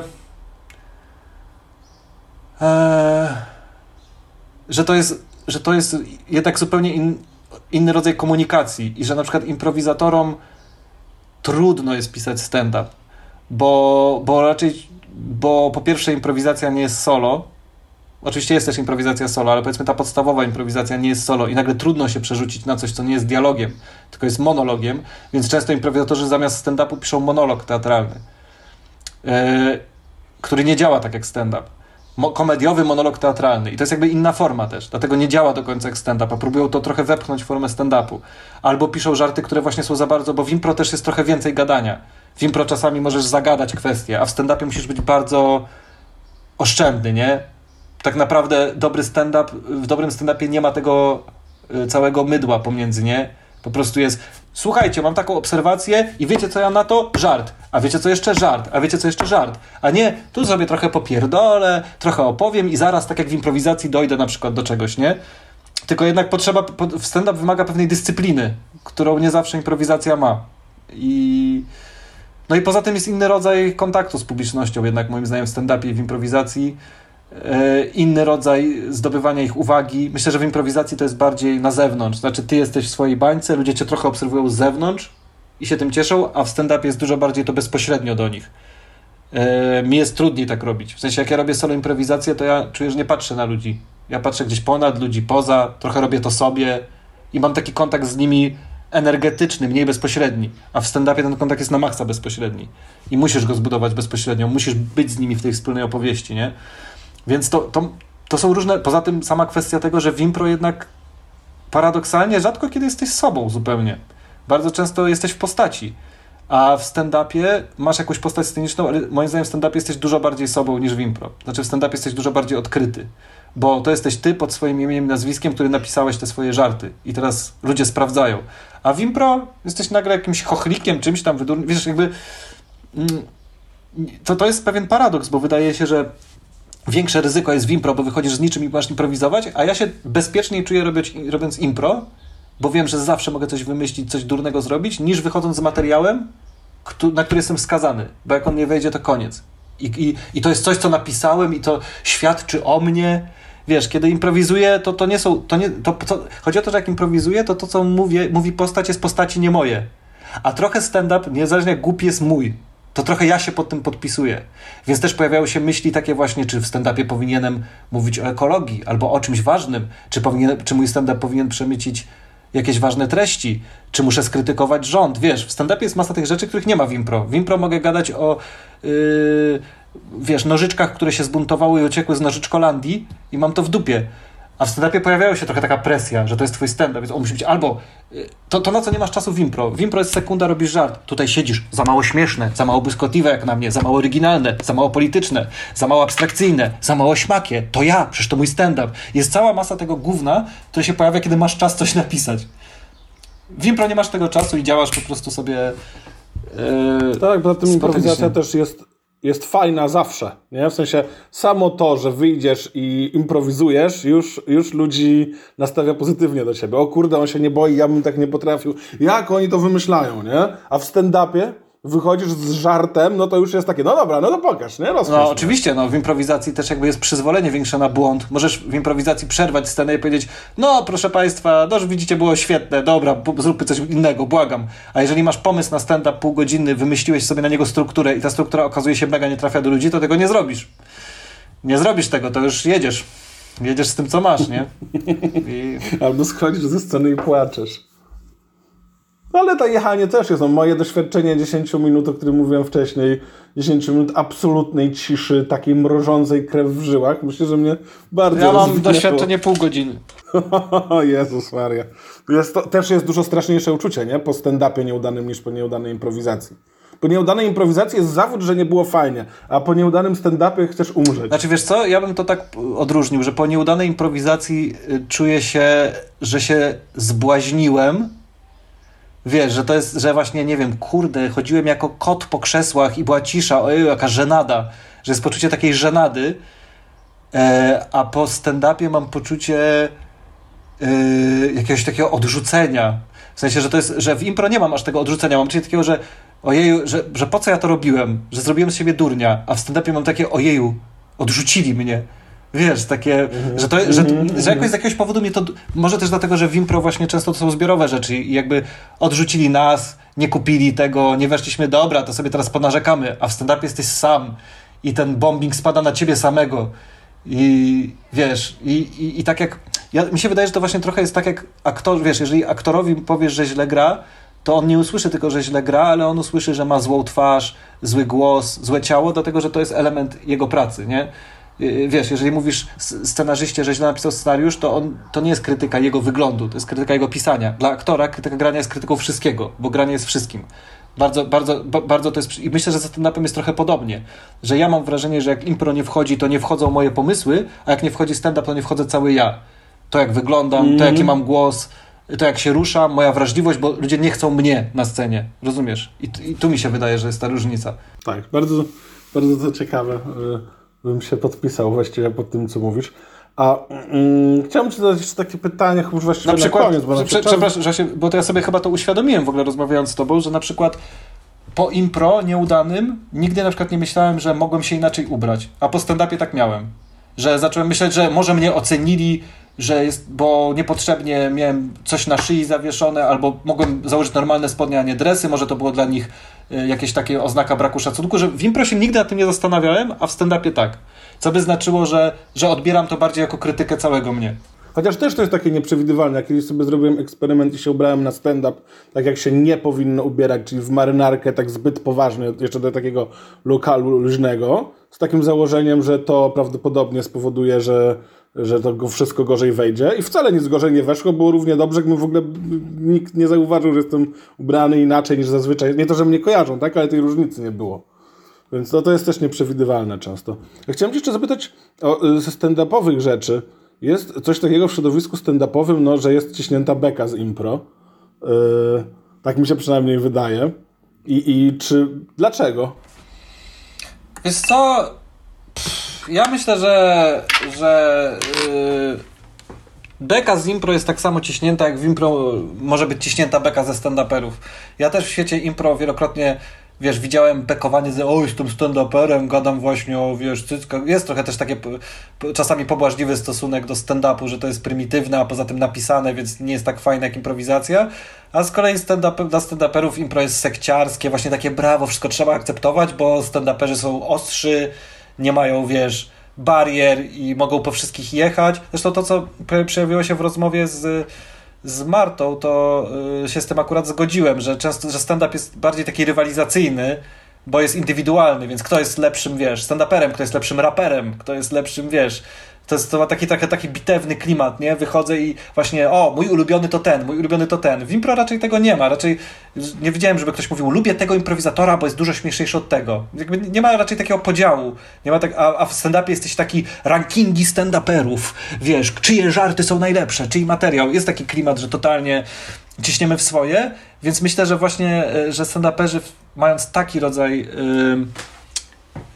E, że tak powiem, aury i tak, środowiska, no to cisną z tego impro, że tam jest wszystko takie po prostu, że my jesteśmy tacy kochający siebie, akceptujemy i byle co zrobimy, to zawsze sadamy brawa, a do tego jesteśmy mądrzy i my bronimy na przykład, nie wiem, słabszych, yy, popieramy, wiesz, robimy spektakle z Paradą Równości, a raperzy nie znają politycznej poprawności i wiesz, nie raperzy, stand-uperzy nie znają politycznej poprawności i cisną po wszystkim i nie są tacy mięcy.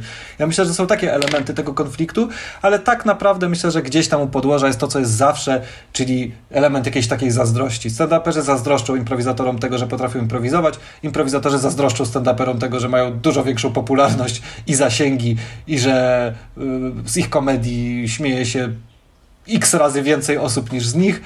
Y, I tyle, no. I ani jedni, ani drudzy nie mają gdzieś y, na końcu dnia racji. Ja też myślę, że to nie jest kwestia tego, że naturalnie zawsze jedna grupa nie lubi drugiej. Nawet jak się sztucznie, były takie przecież badania, że się sztucznie dzieliło grupy i one też zaczynały się Ale to jest lubić, sztuczny nie? podział. No kurde, impro to impro, stand-up to stand-up. Jed, wiesz, jedni lubią to, drudzy lubią, lubią to. Uważam, że to też jest właśnie kwestia tej... Mm, trochę, trochę też był ten wątek w waszej rozmowie, że ja od lat to powtarzam, że w Polsce nie ma jeszcze, ale to się może zmieni, takiego zawodu jak comedian komedian w rozumieniu gościa, który potrafi napisać sketch, wystąpić w nim, wyreżyserować go, napisać stand-up, zaśpiewać piosenkę, bo jest komikiem. E, a my mu to musimy dzielić. Czy ty jesteś kabareciarzem, stand-uperem, improwizatorem, kimś tam, nie? I, nie mamy tego komedian, w którym te podziały też nie miałyby sensu. Bo bo wiadomo, że są różne formy, można te lubić czy nie, ale masa ludzi w Stanach robiła i to, i to, i tamto i po prostu robiła różne formy komedii i nikt, i nikt nie traci czasu na zastanawianie się, która jest lepsza od której i na jakichś rywalizacjach i na jakichś rankingach, jakichś bzdetach, tylko po prostu ludzie to robią, bo to jest element jakiegoś show biznesu czy komediowego rynku po prostu, w którym można robić to, to i to i okej. Okay. A my mamy ten cały czas jakąś taką potrzebę tego sklasyfikowania, poznania, zrozumienia, czym to się wiesz. A i tak ludzie to mylą, i tak ludzie mówią po klancyku, że to, to super stand-up, albo, albo nie wiem, że że, kabaret fajny, że, to, że to kabaret, albo że, że, że improwizacja jest stand-upem, że stand-upy są improwizowane, ludzie myślą, nie wiem, no... No tak, to mi się wydaje, że często troszkę nie oglądamy, jak ja słucham improwizatorów narzekających na stand-up, że jest taki wulgarny, tam takie, ej, ale wcale nie jest aż taki wulgarny, jak wy myślicie. I trochę odwrotnie, nie? Jak słucham stand-uperów narzekających na improwizację, że jest lamusiarska, to no faktycznie jest, ale nie zawsze. No ale wiesz, ale to, są takie, to są takie ogólne stwierdzenia. No, czy, czy, muzyka, czy muzyka jest wieśniacka? No, w bardzo dużej części tak, ale są super zespoły, tylko myślę do rzeczy. Czy improwizacja jest nudna, wkurzająca? Jest, ale są, jest, są elementy improwizacji, które są wspaniałe. Czy stand-up jest wulgarny i prymitywny? Bardzo dużo jest takiego stand-upu. Czy jest stand-up mądry, śmieszny i mówiący dużo o życiu? Jest. Znajdź sobie Yy, wiesz, yy, kurczę, nie wiem, Stewarta Lee, kogokolwiek, a zresztą nie jego, kogoś, kto do ciebie trafi. Jest taki stand-up i taki stand-up, jest taka muzyka i taka muzyka, są takie filmy i takie filmy. A przez to, że ten rynek jest tak mały w Polsce, to my musimy to generalizować na wszystko. Cały stand-up jest taki. Być może cały stand-up, który przebija się do jakiejś szerszej perspektywy a być może nie, bo może za mało go znasz. Czy polski rap jest jakiś? Jest taki i taki, jest różnorodny. Są poeci, są ulicznicy, są wulgarni, są dobrzy, y, mądrzy ludzie, są idioci w tym rapie. We, ze wszystkim tak jest. No. Dobry Maciek, zbliżamy się do końca, bo już rozmawiałem ponad półtorej godziny. Mimo, że planowałem rozmawiać, y, skrócić odcinki do godziny, ale ciekawe się z Możesz wyciąć pół godziny. Na pół godziny, ale y, takie randomowe, po prostu ciach. Ale chciałem na koniec taki kącik E, poleć trzy komediowe rzeczy. O kurczę, szkoda, że mi powiedziałeś, bo, te, bo jest tak dużo możliwości, że, że chciałbym polecić te, najlep no, te najlepsze. Gdybym się przygotował. Tak to... z głowy, trzy co ci się skojarzą po prostu. Impro. Impro? No nie, nie impro, ale w sensie, że trochę jak w impro. Pierwsze A. trzy pomysły, które ci do głowy przyjdą. Eee... No, y, staram się ominąć jakieś takie oczywistości, żeby nie spalić, wiesz, właśnie się na jakimś Ricku i Morty, na czymś, co wszyscy znają, tylko szukam czegoś może mniej oczywistego. No dlaczego? To też to się to je powie, że Ricky Morty cię kręci. Nie, no kręci mnie Ricky Morty, ale nie, nie, nie chcę marnować jednego z trzech na coś tak, tak popularnego, bo myślę, że to... Już zmarnowałeś. Nie, nie, zmar nie zmarnowałem. To był, to, to, był, to był bonus. Okej, okay, to ja polecę jedną rzecz bardzo dziwną. Yy, to jest Nathan for You E, znasz Nathan For You? E, w trakcie rozmowy z chyba mi Mateuszem Płochą, on to też poleca. Dobrze, więc ja polecam Nathan For You. Nathan For You to jest e, nie, nie ma takiego słowa jak fałszywy dokument, to mockumentary, jak to jest fałszywe reality show, nie wiem jak to nazwać. Jest to udawane reality show. To znaczy pomysł na to jest taki, że Nathan Fiedler gra kolesia, który robi reality show o tym, jak poprawiać firmy i rzeczywiście robi to, tylko że poprawia je w głupi sposób. I jakby ci ludzie biorą udział w programie w stylu tam, prawda, kuchenne rewolucje, tylko że poprawiające ich biznesy, ale nie wiedzą, że jednocześnie biorą udział w programie komediowym, który pokazuje, jak oni się na te idiotyczne rzeczy yy, zgadzają. To, na jak finezyjne pomysły wymyśla ten człowiek i na co ludzie się zgadzają, jest nieprawdopodobne. W sensie jest to jedna z bardziej nie, niezwykłych rzeczy, którą widziałem, jest ekstremalnie śmieszna. Więc Nathan For You bardzo polecam. To jest pierwsza rzecz, którą polecę. Druga rzecz, e, którą polecę, to jest Eric Andre Show. Jeżeli wiem, że operuje trochę w e, e, obszarze dziwnej komedii, zahaczającej nawet o cringe komedii, bo w Nathanie jest tego dużo i Eric Andre Show to jest w ogóle definicja cringe komedii. Ale jeżeli ktoś nie widział Eric Andre Show, czyli e, przekwaszonego late nighta, w którym nic nie ma sensu, pytania nie mają sensu, odpowiedzi gości nie mają sensu, jest randomowy montaż, ale jest to też bardzo, jest to, tylko to jest taki trochę hardkorowy humor, w sensie wydaje mi się, że jak ktoś nie lubi cringe'owego humoru, to może nie zaglądać, bo to nie jest łatwe, ale jeżeli ktoś lubi, to, to będzie miał wspaniałą rozrywkę. I tak myślę, że te dwie rzeczy zaproponowałem takie, takie dosyć radykalne, bo też myślę, że jak dużo humoru się y, ogląda, to szukasz coraz bardziej radykalnych rzeczy, to może teraz coś takiego bardziej przystępnego bym, e, bym zaoferował. Flap. Benny Hill, słuchajcie, wszystkie sezony na DVD, nie, ale myślę o czymś co, takim, co może jest... Y, no myślę, że też tak kurczę z... Dobrze, yy, zarekomenduję to, chociaż robię to z bólem serca, bo jak to się mówi, że opinia o kimś, czyli jego tak ogólnie na świecie y, nie pozycja, tylko że reputacja.